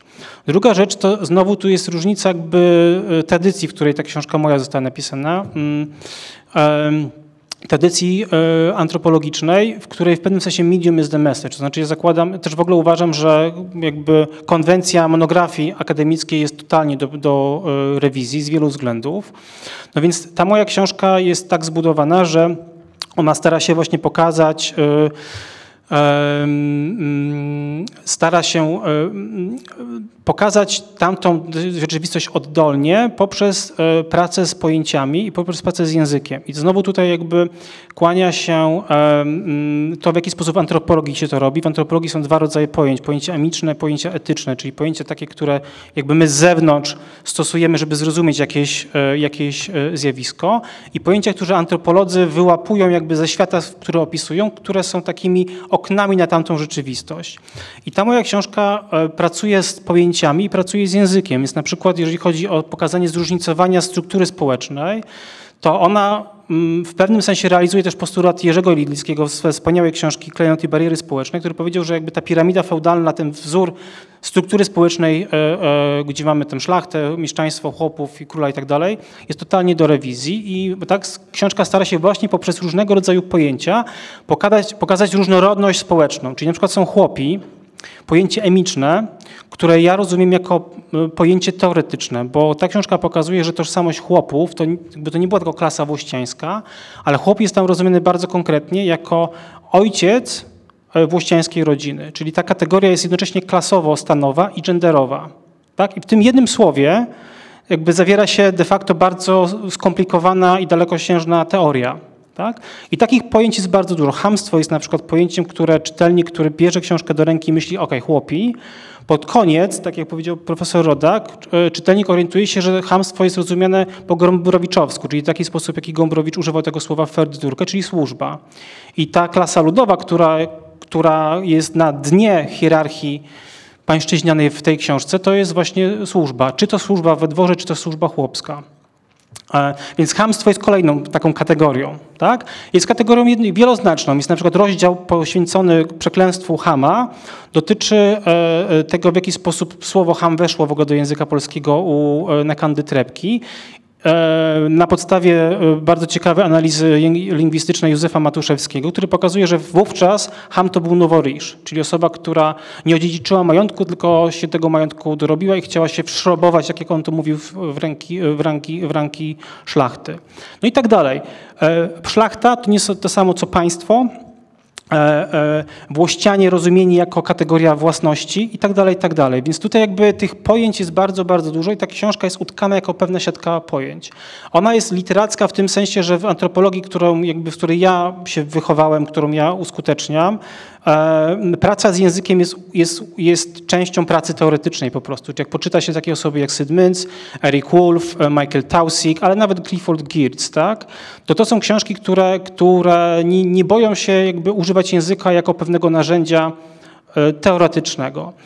I to jest jakby pierwsza rzecz. A druga rzecz to jest też kwestia jakby przystępności. I tutaj wracam do tego, że medium is the message. Tak? Jeżeli piszemy książkę, która ma być w domyśle teorią, e, książką oddolną, książką, która oddaje głos tym, tego, tym, którzy głosu nie mają, która poszerza jakby perspektywę historii przez to małe H, czyli opowieści.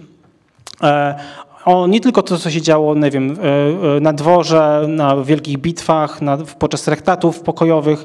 To nie jest tylko historia generałów, dyplomatów i wybitnych intelektualistów, ale też po prostu historia zwykłych ludzi, to ona też musi być tak napisana, żeby ona była przystępna. I dlatego to nie jest książka, która na przykład, nie wiem, ma przegląd literatury, tak? To wiele osób e, to zarzucało. E, jakby to nie jest jej cel. Jakby celem tej książki nie jest przegląd aktualnej literatury na temat pańszczyzny. Tak? Celem jest opowiedzenie pewnej historii, zdania relacji z pewnego doświadczenia przemocy i tego, jakie ona pozostawiła e, ślady. I teraz mm, dla mnie to nie jest tak, że jakby ja zacząłem e, e, ten projekt z myślą, ok, napiszę książkę o biciu. Bicie po prostu wyszło jako temat numer jeden i musiałem się z tym biciem jakby skonfrontować, tak? I, i w tra- jakby, więc to był pierwszy etap pracy jakby nad tym projektem. Drugi etap pracy nad tym projektem to był moment, w którym zrozumiałem właśnie, w jaki sposób na przykład używać kategorii chłopa, jako kategorii jednocześnie klasowej i, i, i genderowej, czyli kwestia patriarchatu tutaj pojawiły się jako taki bardzo ważny E, bardzo ważny e, temat. I taki trzeci moment, w którym uświadomiłem sobie, że to nie jest tylko tak, że ja sobie jakby wymyśliłem, że, te, że przemoc jest ważnym elementem ustroju pańszczyźnianego, to był moment, kiedy natrafiłem na bardzo ciekawe i niesamowite jest to, że one zostały zarejestrowane, debaty ariańskie z drugiej połowy XVI wieku, e, które mm, zapisują dylematy ówczesnych ludzi, którzy obserwują ustrój folwarczno-pańszczyźniany, który właśnie wtedy de facto jakby krzepnie, który oparty jest na przemocy, i którzy mówią, nie, my jakby nie chcemy żyć w społeczeństwie opartym na przemocy. I to był taki moment, kiedy ja się zorientowałem, nie, nie, to jakby nie jest wyłącznie e, moja perspektywa. Istnieją osoby, istniały osoby, które żyły wówczas, które też uważały, że przemoc jest tematem numer jeden. Tak? E, I, I znowu ta książka jest oparta na bardzo szerokim materiale źródłowym, być może zbyt szerokim, w tym sensie, że że on jest w pewnym sensie eklektyczny. Takim źródłowym punktem wyjścia są jednak pamiętniki, na przykład pamiętnik Kazimierza Deczyńskiego, który nie jest jakoś mocno e, obecny w tej książce jakby na takim poziomie narracyjnym, ale który jakby był takim pamiętnikiem, który mnie przekonał co do tego, że tak, że, że przemoc jest tematem numer jeden, bo Deczyński głównie pisze o przemocy. On pisze o takim formującym jego, e, jego osobowość doświadczeniu, kiedy widział, jak jego ojciec wraca pobity z dworu z powyrywanymi włosami, o dobrze pamiętam. I dla niego to było wydarzenie znaczące. Tak? Ono być może nie było statystycznie jakby dominujące. Tak? Być może to nie jest tak, że, że, że większość czasu e, Kazimierz Dejczyński spędzał na obserwowaniu przemocy e, e, w swojej wsi czy w swoim bezpośrednim otoczeniu, ale to było doświadczenie, którego absolutnie, to było doświadczenie hiperznaczące, jak to nazywam. Tak? Czyli znowu też musimy zrozumieć, że przemocy nie można rozpatrywać w kategoriach statystycznych. Tak? Jakby to w ogóle nie o to chodzi. Chodzi o centralność tego doświadczenia do, do, e, do ludzkiego życia. I w tym sensie wydaje mi się, że, że to nie jest tak, że, jakby, że, że to jest jakby kalka ze współczesności, którą, którą, którą nakładamy na tamte doświadczenie. Wydaje mi się, że jest wystarczająco dużo głosów z przeszłości, które potwierdzają tą, tą, tą intuicję. I być może ostatnia jakby sprawa, kwestii jakby pozycjonowania się badacza czy badaczki. Znaczy ja się jakby nie, nie boję tego powiedzieć wprost, bo to jest też tradycja, w której ja zostałem jakby wychowany. W tym sensie, że w anglosaskiej e, e, nauce e, każdy musi powiedzieć, z jakiej perspektywy pisze i to jest totalnie jakby normalne. Tak? Są historycy lewicowi, są historycy prawicowi, liberalni, antropolodzy, którzy też mają bardzo różne, często sympatie polityczne i i tak, no jakby to, kim jesteśmy, wpływa na to, w jaki sposób patrzymy na materiał, z którym pracujemy. Czy to jest materiał historyczny, czy to jest materiał aktualny, to troszkę nie ma znaczenia. To jest absolutnie oczywiste, że, że możemy wysłać dwóch antropologów na jedną wyspę i napiszą dwie zupełnie inne książki. Tak? I, więc jakby ta, to wypowiedzenie wprost swojej pozycji, moim zdaniem to jest kwestia jakby elementarnej uczciwości badawczej. Tak? I teraz jakby osoba, która czyta tę książkę może sama ocenić, czy, czy ta książka jest przekonywująca, czy ten materiał do tej osoby przemawia, czy nie.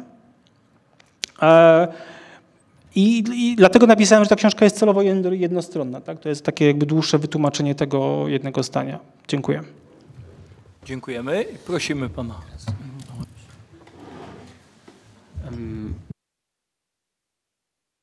Halo, halo. O, dobrze.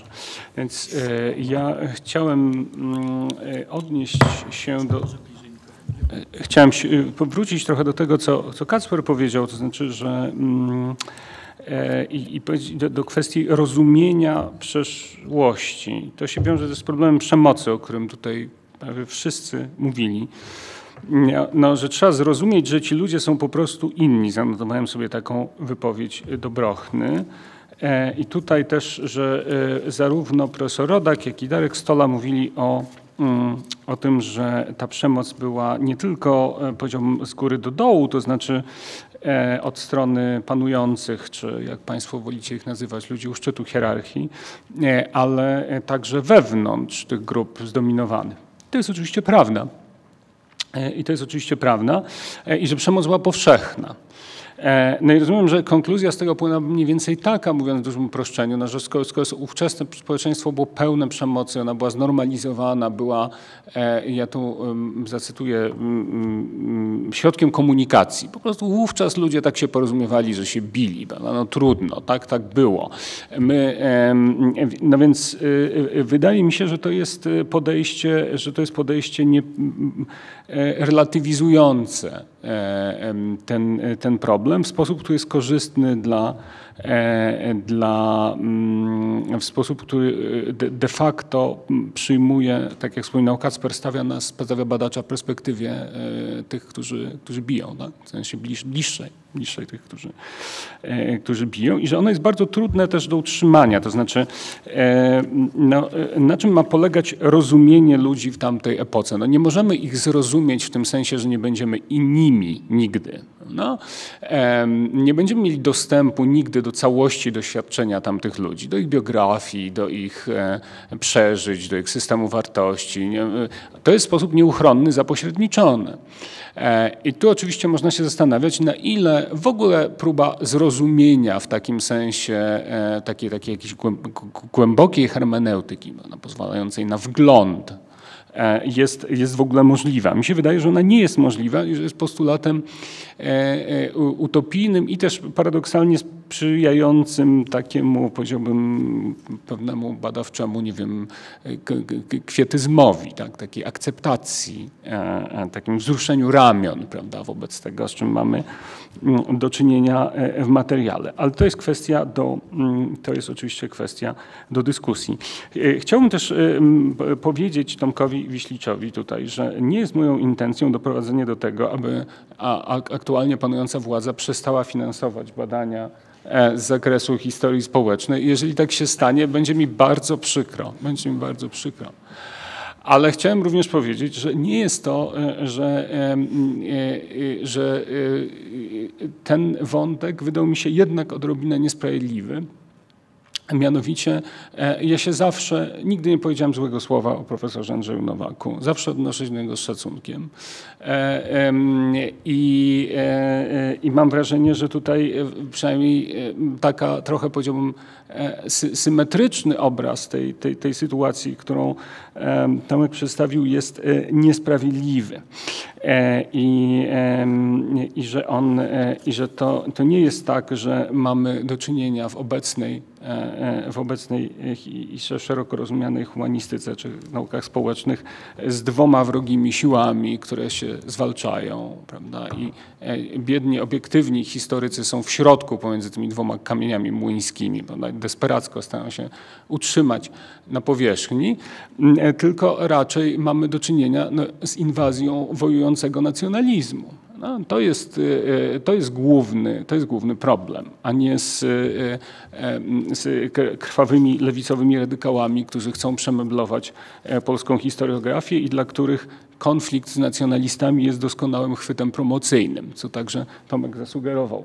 E, mm, no więc e, ja myślę, że poradziłbym sobie bez tej promocji. E, I, I naprawdę czytanie e, takich rzeczy na swój temat, nawet dla kogoś, kto ma bardzo grubą skórę, a ja po latach pracy w dziennikarstwie mam, gdyż inaczej nie da się w tym zawodzie przetrwać, e, nie jest przyjemne. Nawet jeżeli wie, się, jeżeli wie się z góry, że to są słowa wypowiedziane intencjonalnie, że mają cel polityczny, prawda, i że być może, e, e, być może e, bardzo miło by mi się osobiście z tymi panami, bo tak, tak się złożyli panowie, wyłącznie rozmawiało. I kończąc już, chciałem tylko powtórzyć, żeby was nie denerwować, więc krótko za Kacprem, że odpowiada mi także sytuacja, w której mm, mamy e, przyzwolenie i akceptację dla pluralizmu i politycznego, i metodologicznego, i w którym normalne jest, że e, badacz określa swoje stanowisko na wejściu, a nie e, a nie próbuje udawać, że sytuuje się w jednym nurcie prawda, jedynej obiektywnej nauki, mm, bo ponieważ za tym zazwyczaj z mojego doświadczenia kryje się E, perspektywa właśnie nacjonalistyczna i patriarchalna, e, której, e, kto jestem przeciwnikiem, ale nie dążę do jej unicestwienia oczywiście, prawda? Po, po prostu chciałbym, żeby nie była jedyną.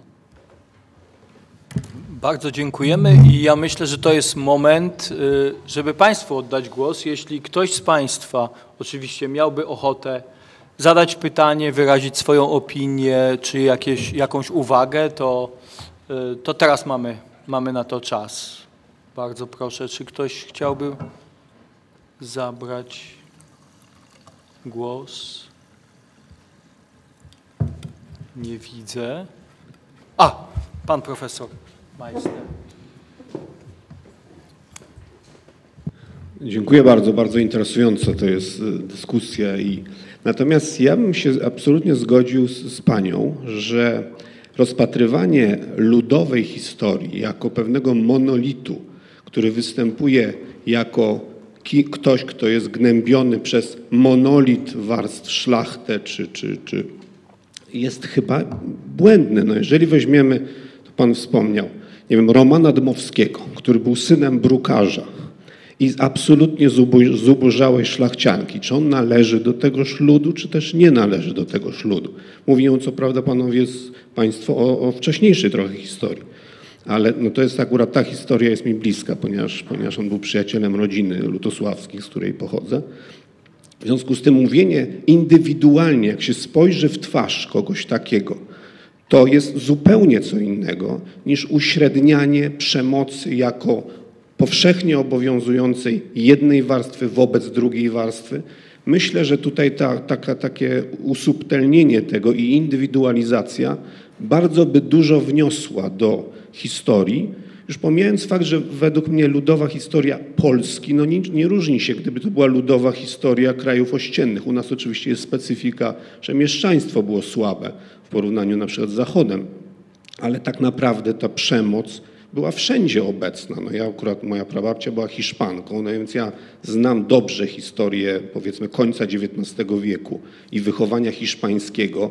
No nie jest to tak bardzo różne od tego, co się działo tutaj. No więc y, w tym sensie Polski, podkreślanie, że to jest ludowa historia Polski jako specyficznie naszego problemu, tejże przemocy i opresji wobec warstw niższych, nie jest chyba specjalnie wyjątkowe. W każdym razie bardzo bym się zgodził z tym, żeby spojrzenie na indywidualne losy i różnicowanie w ramach również tegoż ludu, czy kogoś pochodzącego nie z warstwy szlachty bogatej czy arystokracji, bardzo dużo by wniosło według mnie do rozumienia na tyle, na ile jesteśmy w stanie to zrobić. Oczywiście nie jesteśmy w stanie do końca, bo, bo, wszystkie pojęcia były inne, kultura była inna, otoczenie było inne, ale wniosłoby dużo zajęcie się kimś, kto, kto jest z tej warstwy i zobaczenie tak naprawdę, jak to wyglądało w sensie przeżyć, emocji, odczuwania, jak ta przemoc była odbierana jako z pogardą, jako coś, co jest dramatycznie przyjmowane, czy jako fact of life. No tak, tak wygląda życie. I wtedy byśmy to troszkę inaczej do tego podchodzili, tak jak teraz się podchodzi inaczej, nie wiem, do klapsa dziecku danego, prawda, niż 50 lat temu.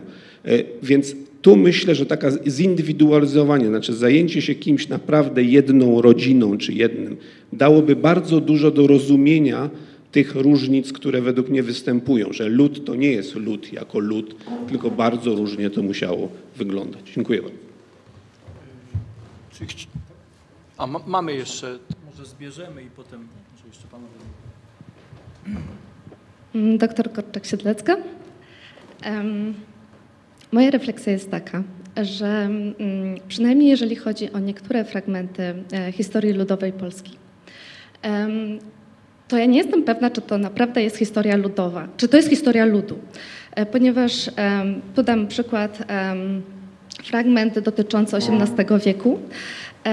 Cały czas e, czytałam tak naprawdę o szlachcie.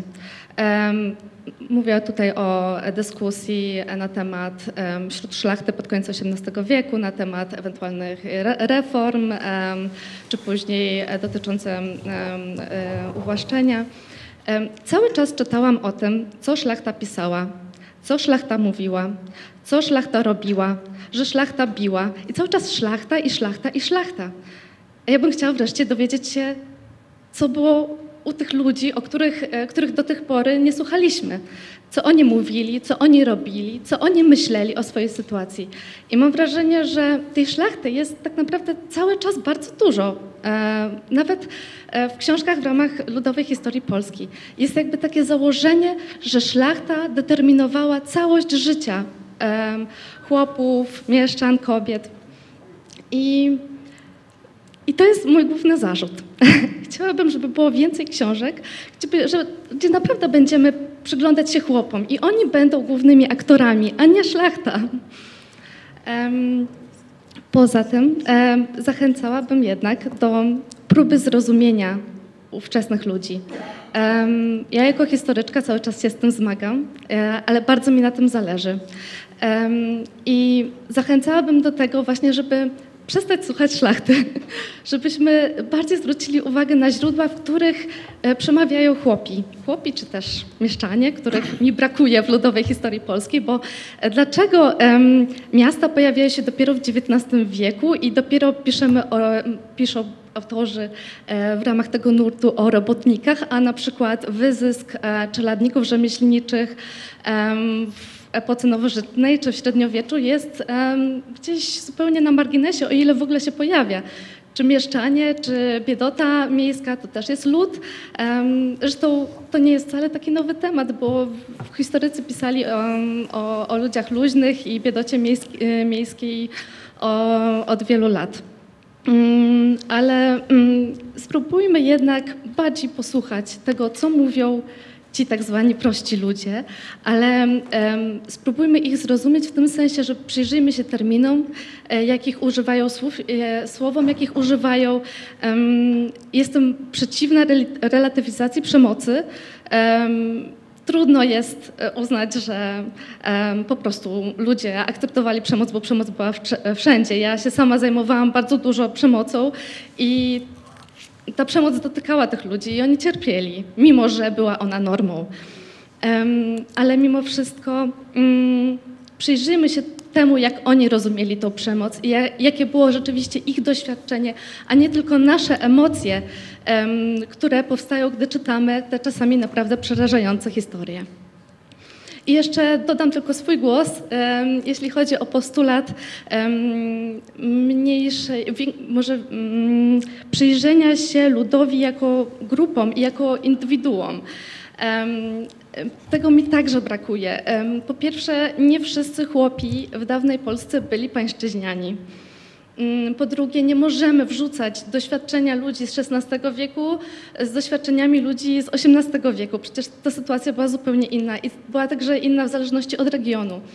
Niestety odbiór mm, państwa książek jest taki, jak podczas, e, wydało mi się to dosyć znamienne, podczas jednego ze spotkań online w ramach Ludowej Historii Polski, jeden z dyskutantów miał łzy w oczach i przeżywał, że, że 90% e, społeczeństwa w dawnej Polsce żyło w strasznej niewoli, tak jak e, niewolnicy w Ameryce. No ale to, to nie jest ten obraz. Przecież mamy obraz bardzo zróżnicowany i to nie znaczy, że wyzysku nie było. Przecież był na wszystkich poziomach i należy o tym mówić. I należy mówić o pańszczyźnie i należy mówić o przemocy. Tylko, że ten obraz był bardzo zróżnicowany i byli chłopi, którzy byli zamożni, wykształceni i płacili czynsz. E, I byli, byli chłopi, którzy rzeczywiście e, byli wyzyskiwani e, w ramach gospodarki folwarczno-pańszczyźnianej. Że po prostu już skończyć tak. Przepraszam za, za ten zbyt długi być może głos. Także kończę już i dziękuję bardzo za, za tą bardzo ciekawą dyskusję. Bardzo Pani dziękujemy.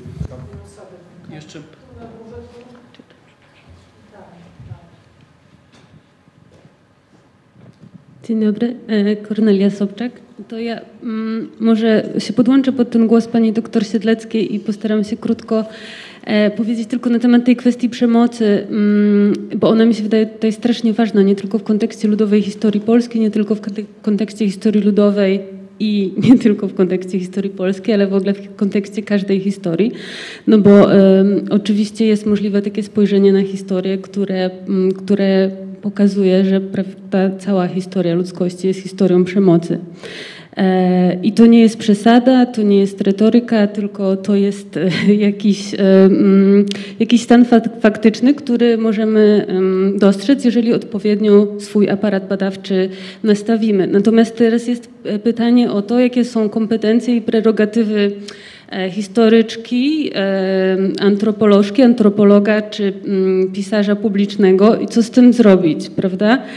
E, I wydaje mi się, że mm, trzeba to konstatować, prawda? Trzeba jakby odkrywać e, ciągle e, ten e, świat przyszłości jako świat przemocy wszechobecnej na bardzo różnych poziomach właśnie intersekcjonalnie przecinających się, tak? To znaczy oczywiście, że jest tak, jak mówiła pani profesor Kałwa, że ofiary przemocy są i były jednocześnie jej sprawcami, ponieważ tak wyglądał jakiś horyzont mentalny ludzi w poszczególnych epokach. I teraz właśnie chciałam się odnieść do tego, co mówiła pani profesor Kałwa o tego, czy mogę przykładać własne wartości do świata przyszłości e, i czy mogę domagać się od ludzi z przeszłości, żeby, mm, prawda, to znaczy, czy mogę jakoś oceniać ich moralnie. I wydaje mi się, że to nie o to chodzi i że to jest taka pułapka albo taki mm, też dość wygodny Wygodny wybieg, wygodna klauzula, którą często historycy sobie stawiają, żeby właśnie jakby mm, nie oceniać.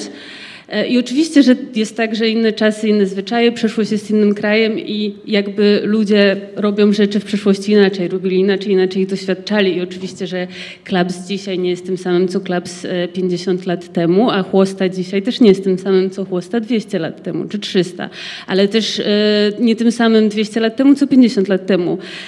Ale jakby wydaje mi się, że to, co tutaj podkreśliła mm, Pani Korczak-Siedlecka jest bardzo ważne i co możemy właśnie skądinąd z antropologicznych badań wiedzieć, że jest jakiś poziom wspólności doświadczenia, który pozwala nam empatyzować właśnie z tym ciałem, które jest bite. Tak? To znaczy to, że klaps nie znaczył to samo, to, ale to nie znaczy, że on bolał inaczej, tak? czy że był inaczej odczuwany. On mógł być inaczej jakby na poziomie mentalnym czy psychicznym rozumiany, tak? jako coś, co mi się należy, jako coś, co jest częścią mojego losu, jeżeli jestem w tej najniższej grupie, ale to nie znaczy, że, że on nie bolał, prawda?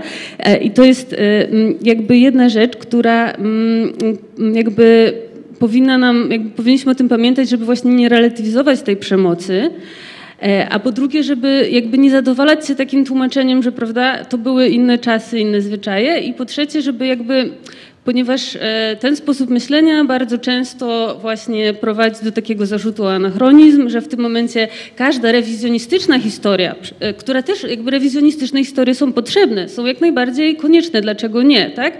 Ale wtedy każda rewizjonistyczna historia spotka się z tym zarzutem o anachronizm, prawda? I znowu będą historycy, którzy powiedzą, że och, tutaj nie wiecie, jak to się robi e, i to jest właśnie anachroniczne, to jest, to jest niehistoryczne, to jest ten. E, dlatego właśnie wydaje mi się, że tutaj jest potrzebny ten sojusz e, historyków z e, antropologami, z antropologią i z etnografią, która właśnie jakby poświęca bardzo wiele uwagi, żeby wejść w ten świat przeżywany ludzi i zastanowić się, dlaczego coś jest tak, a nie inaczej doświadczane, wyobrażane i uzasadniane. I właśnie może też trochę, no to tak jakby nie wiem, nie chcę, nie chcę przyjmować takiej pozycji mediatora pomiędzy, e, pomiędzy panami autorami a środowiskiem historyków, bo to jakby nie, nie o to chodzi, ale wydaje mi się, że brakuje nam e, takiego namysłu, dlaczego ta przemoc wówczas mogła zaistnieć w takiej formie i ze strony takich grup wobec innych grup, tak? I ze, albo ze strony takich ludzi wobec innych ludzi. I to jest pytanie, które jest niesamowicie aktualne, bo dopiero jeżeli zobaczymy, jak to działa, że nawet nie tylko przemoc, ale że na przykład obojętność, prawda, jest czymś tak powszechnym, e, albo jakiś rodzaj właśnie przyzwolenia na to, tak, jakiś rodzaj niedostrzegania tego, że są jakieś bite ciała, powiedzmy, tak, w naszym, że, że w naszym społeczeństwie, w naszej kulturze znajdują się jakieś bite ciała, które jakby, które nie zważamy, tak, to, to jest takie pytanie, które jakby wydaje mi się w dzisiejszej sytuacji, sytuacji nabiera niesłychanej aktualności, tak, bo e, trzeba właśnie zastanawiać się, tak, e, w jaki sposób e, ta również obojętność na przemoc i przyzwolenie na przemoc jest skonstruowane. Więc to jakby e, to należałoby cały czas pokazywać. Dziękujemy bardzo i prosimy o następne głosy.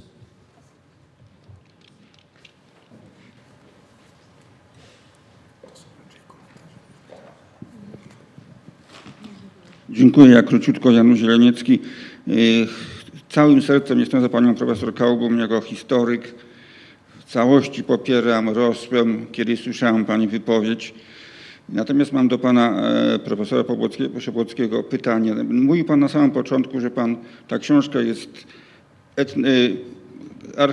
i historyczna, i socjologiczna, i antropologiczna. Pan jest, natury, jest pan antropologiem, jakby jest to pana główna dziedzina, w której pan się specjalizuje, ale czytając tę książkę dwukrotnie mówię, bo, bo chciałem ją zrozumieć.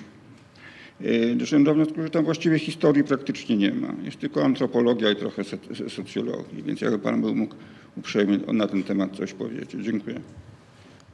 Dziękujemy. Czy jeszcze może już ostatnie głosy, żebyśmy Ja jeszcze... nie mam pytań, tylko chcę króciutko obu panom autorom podziękować za konkretne i ja jestem zachęcony i będę te książki czytał. Dziękuję bardzo. Bardzo dziękuję, bo to jest jeden z celów naszej debaty. Bardzo dziękujemy. I jeśli Państwo nie mają, a nie widzę już głosów, było ich y, no, dostatecznie dużo i ważnych, y, to poprosimy, żeby nasi autorzy się do tych głosów ustosunkowali.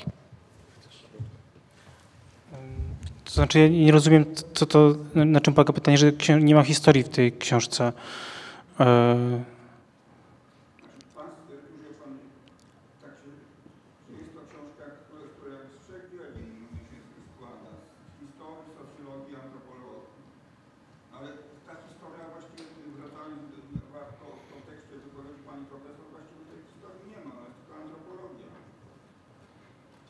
Znaczy ja powiedziałem co innego, że y, ten nurt y, historii ludowej, szeroko rozumiany, składa się z trzech dyscyplin. Historii, etnologii slash antropologii i literaturoznawstwa y, folklorystyki.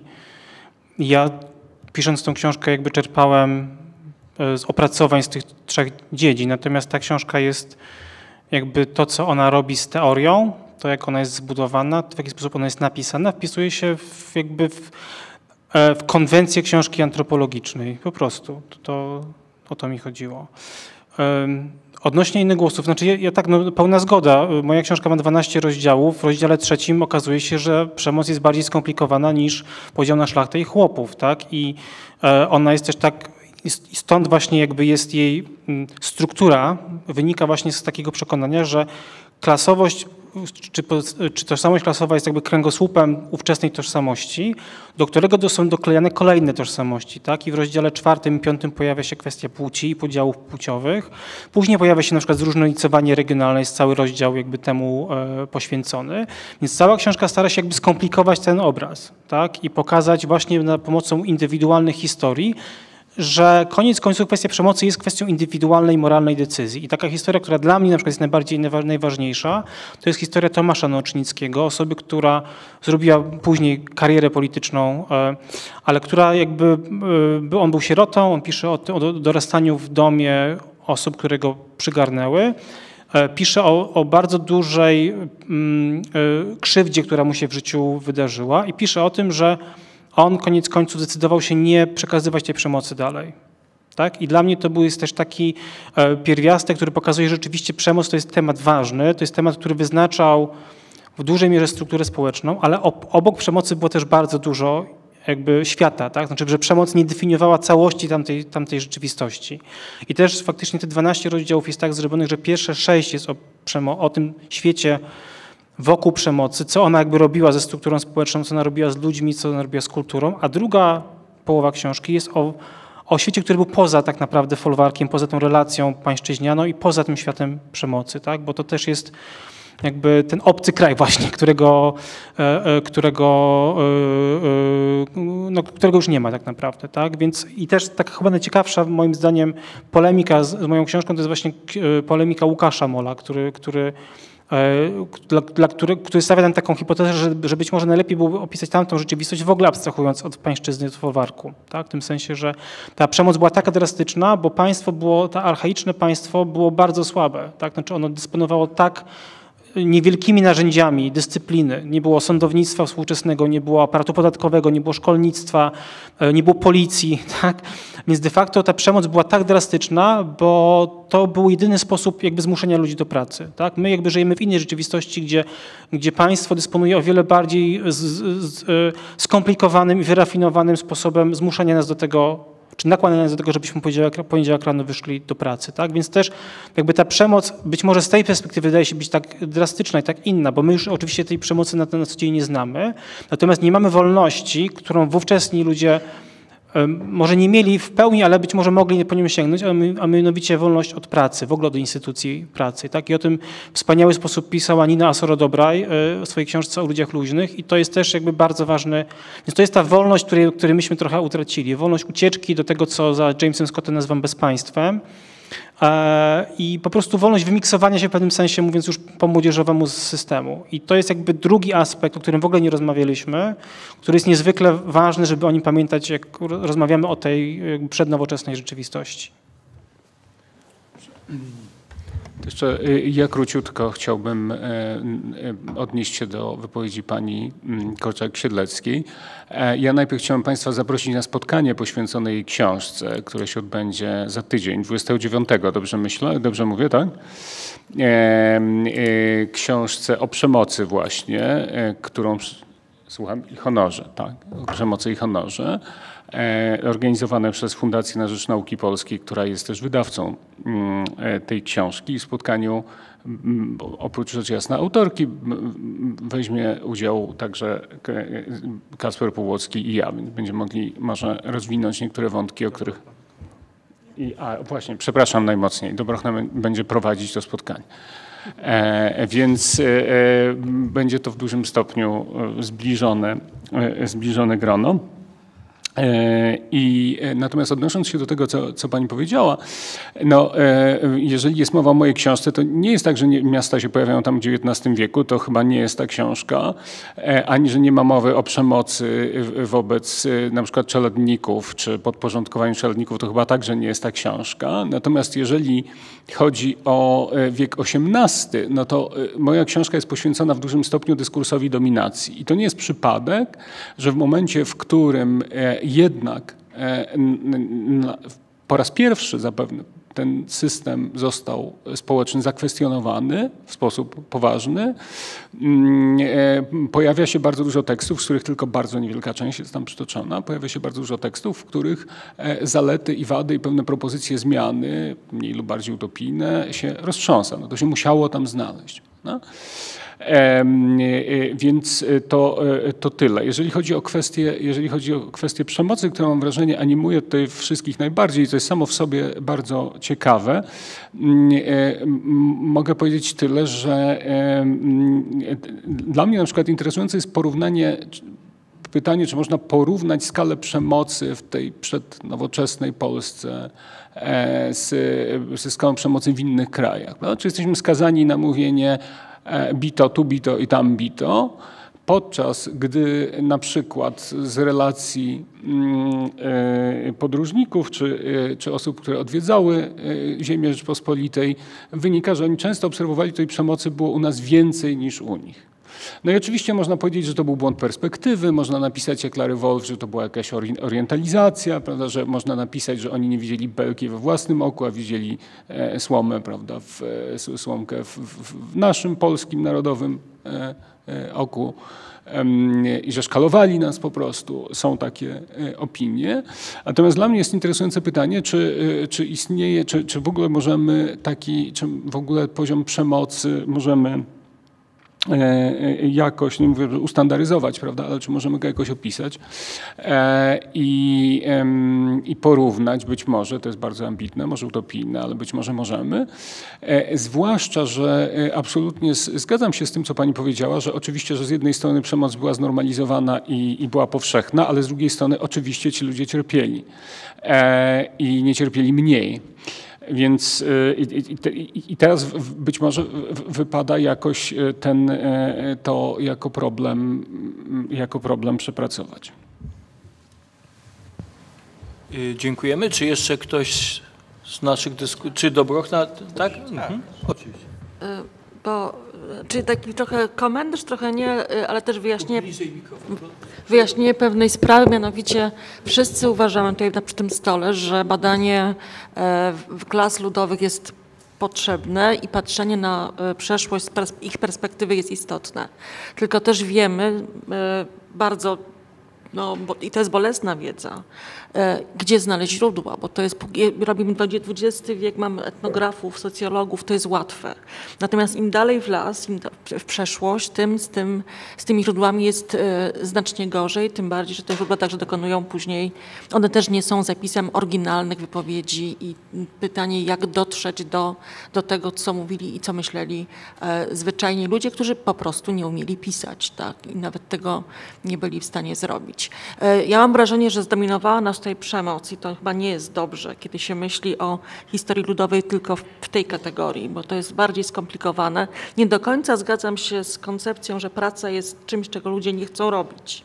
Jestem pracocholiczką e, e, na, różne sposoby, ale też znam ludzi, którzy po prostu chcą pracować, także fizycznie. To nie jest tylko kwestia intelektualnej pracy, więc e, to jest taki rodzaj przedsądu, że praca jest zniewoleniem. E, Nie do końca się z tym zgadzam. E, I jeszcze trzecia rzecz, która mi się tutaj skojarzy, a nie, to już wszystko, to już więcej nie będę mówiła. Tomku. Dobrze, ja tylko chciałem zwrócić uwagę na, na pewną rzecz, a przy okazji odpowiedzieć Kornelii trochę, trochę dookoła. E, mianowicie e, tak, e, historycy nie tylko e, powinni, ale mają obowiązek zrozumieć ludzi z przeszłości. E, I e, Adam, chyba jak coś dobrze zrozumiałem, wydaje ci się, że to jest niemożliwe po prostu. Tylko do mikrofonu. Wydaje ci się, że to jest niemożliwe, tak? Ty opowiedz, co mówisz, co, co, masz na myśli mówiąc o rozumieniu, bo może Tak, po prostu... No właśnie, bo są rozmaite poziomy rozumienia, bo tak powiem, e, możemy zrozumieć kogoś, kto jest naprzeciwko nas, prawda? E, bo z nim rozmawiamy, z nim, przezna, z nim przestajemy. Możemy się zastanawiać nad tym, czy rozumiemy, rozumiemy Franza Kawkę na podstawie jego pis, pisarstwa. E, możemy się zastanawiać, czy rozumiemy chłopkę na podstawie protokołu sądowego, prawda? To są rozmaite poziomy. W każdym razie ten absolutyzm taki pod tytułem muszę zrozumieć chłopkę z XV wieku tak samo, jak rozumiem moją sąsiadkę, e, no to jest utopia oczywiście. Ale to nie znaczy, że wpadamy w tym momencie w jakiś taki naiwny postmodernizm. To znaczy, że nam wszystko jedno, ponieważ jesteśmy, proszę zwrócić uwagę, że są e, obaj nasi autorzy powiedzieli mniej więcej to samo, tylko zupełnie inną intencją.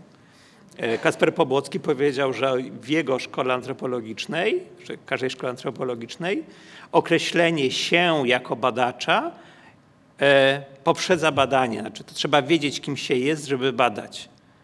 Ale to nie znaczy, że to, co badamy, nie ma znaczenia.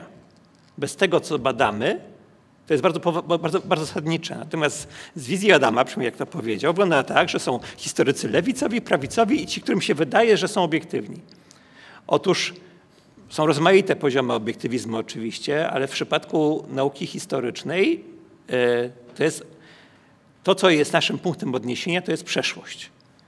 E, Można oczywiście za, mm, e, stwierdzić, że historia to po prostu jest dyskurs władzy.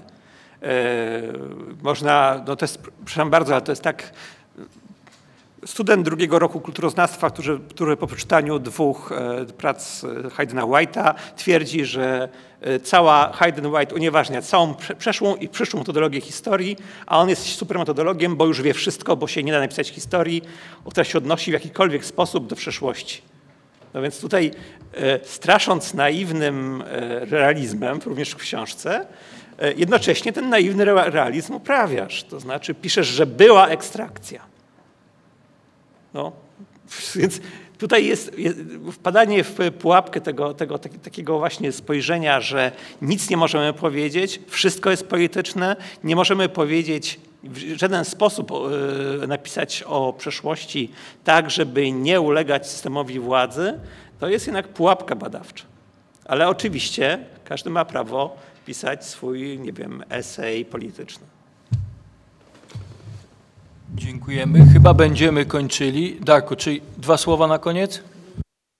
Ja podziękuję bardzo naszym panelistom za bardzo cywilizowaną dyskusję, grzeczną. To jest Bez przemocy. bez przemocy.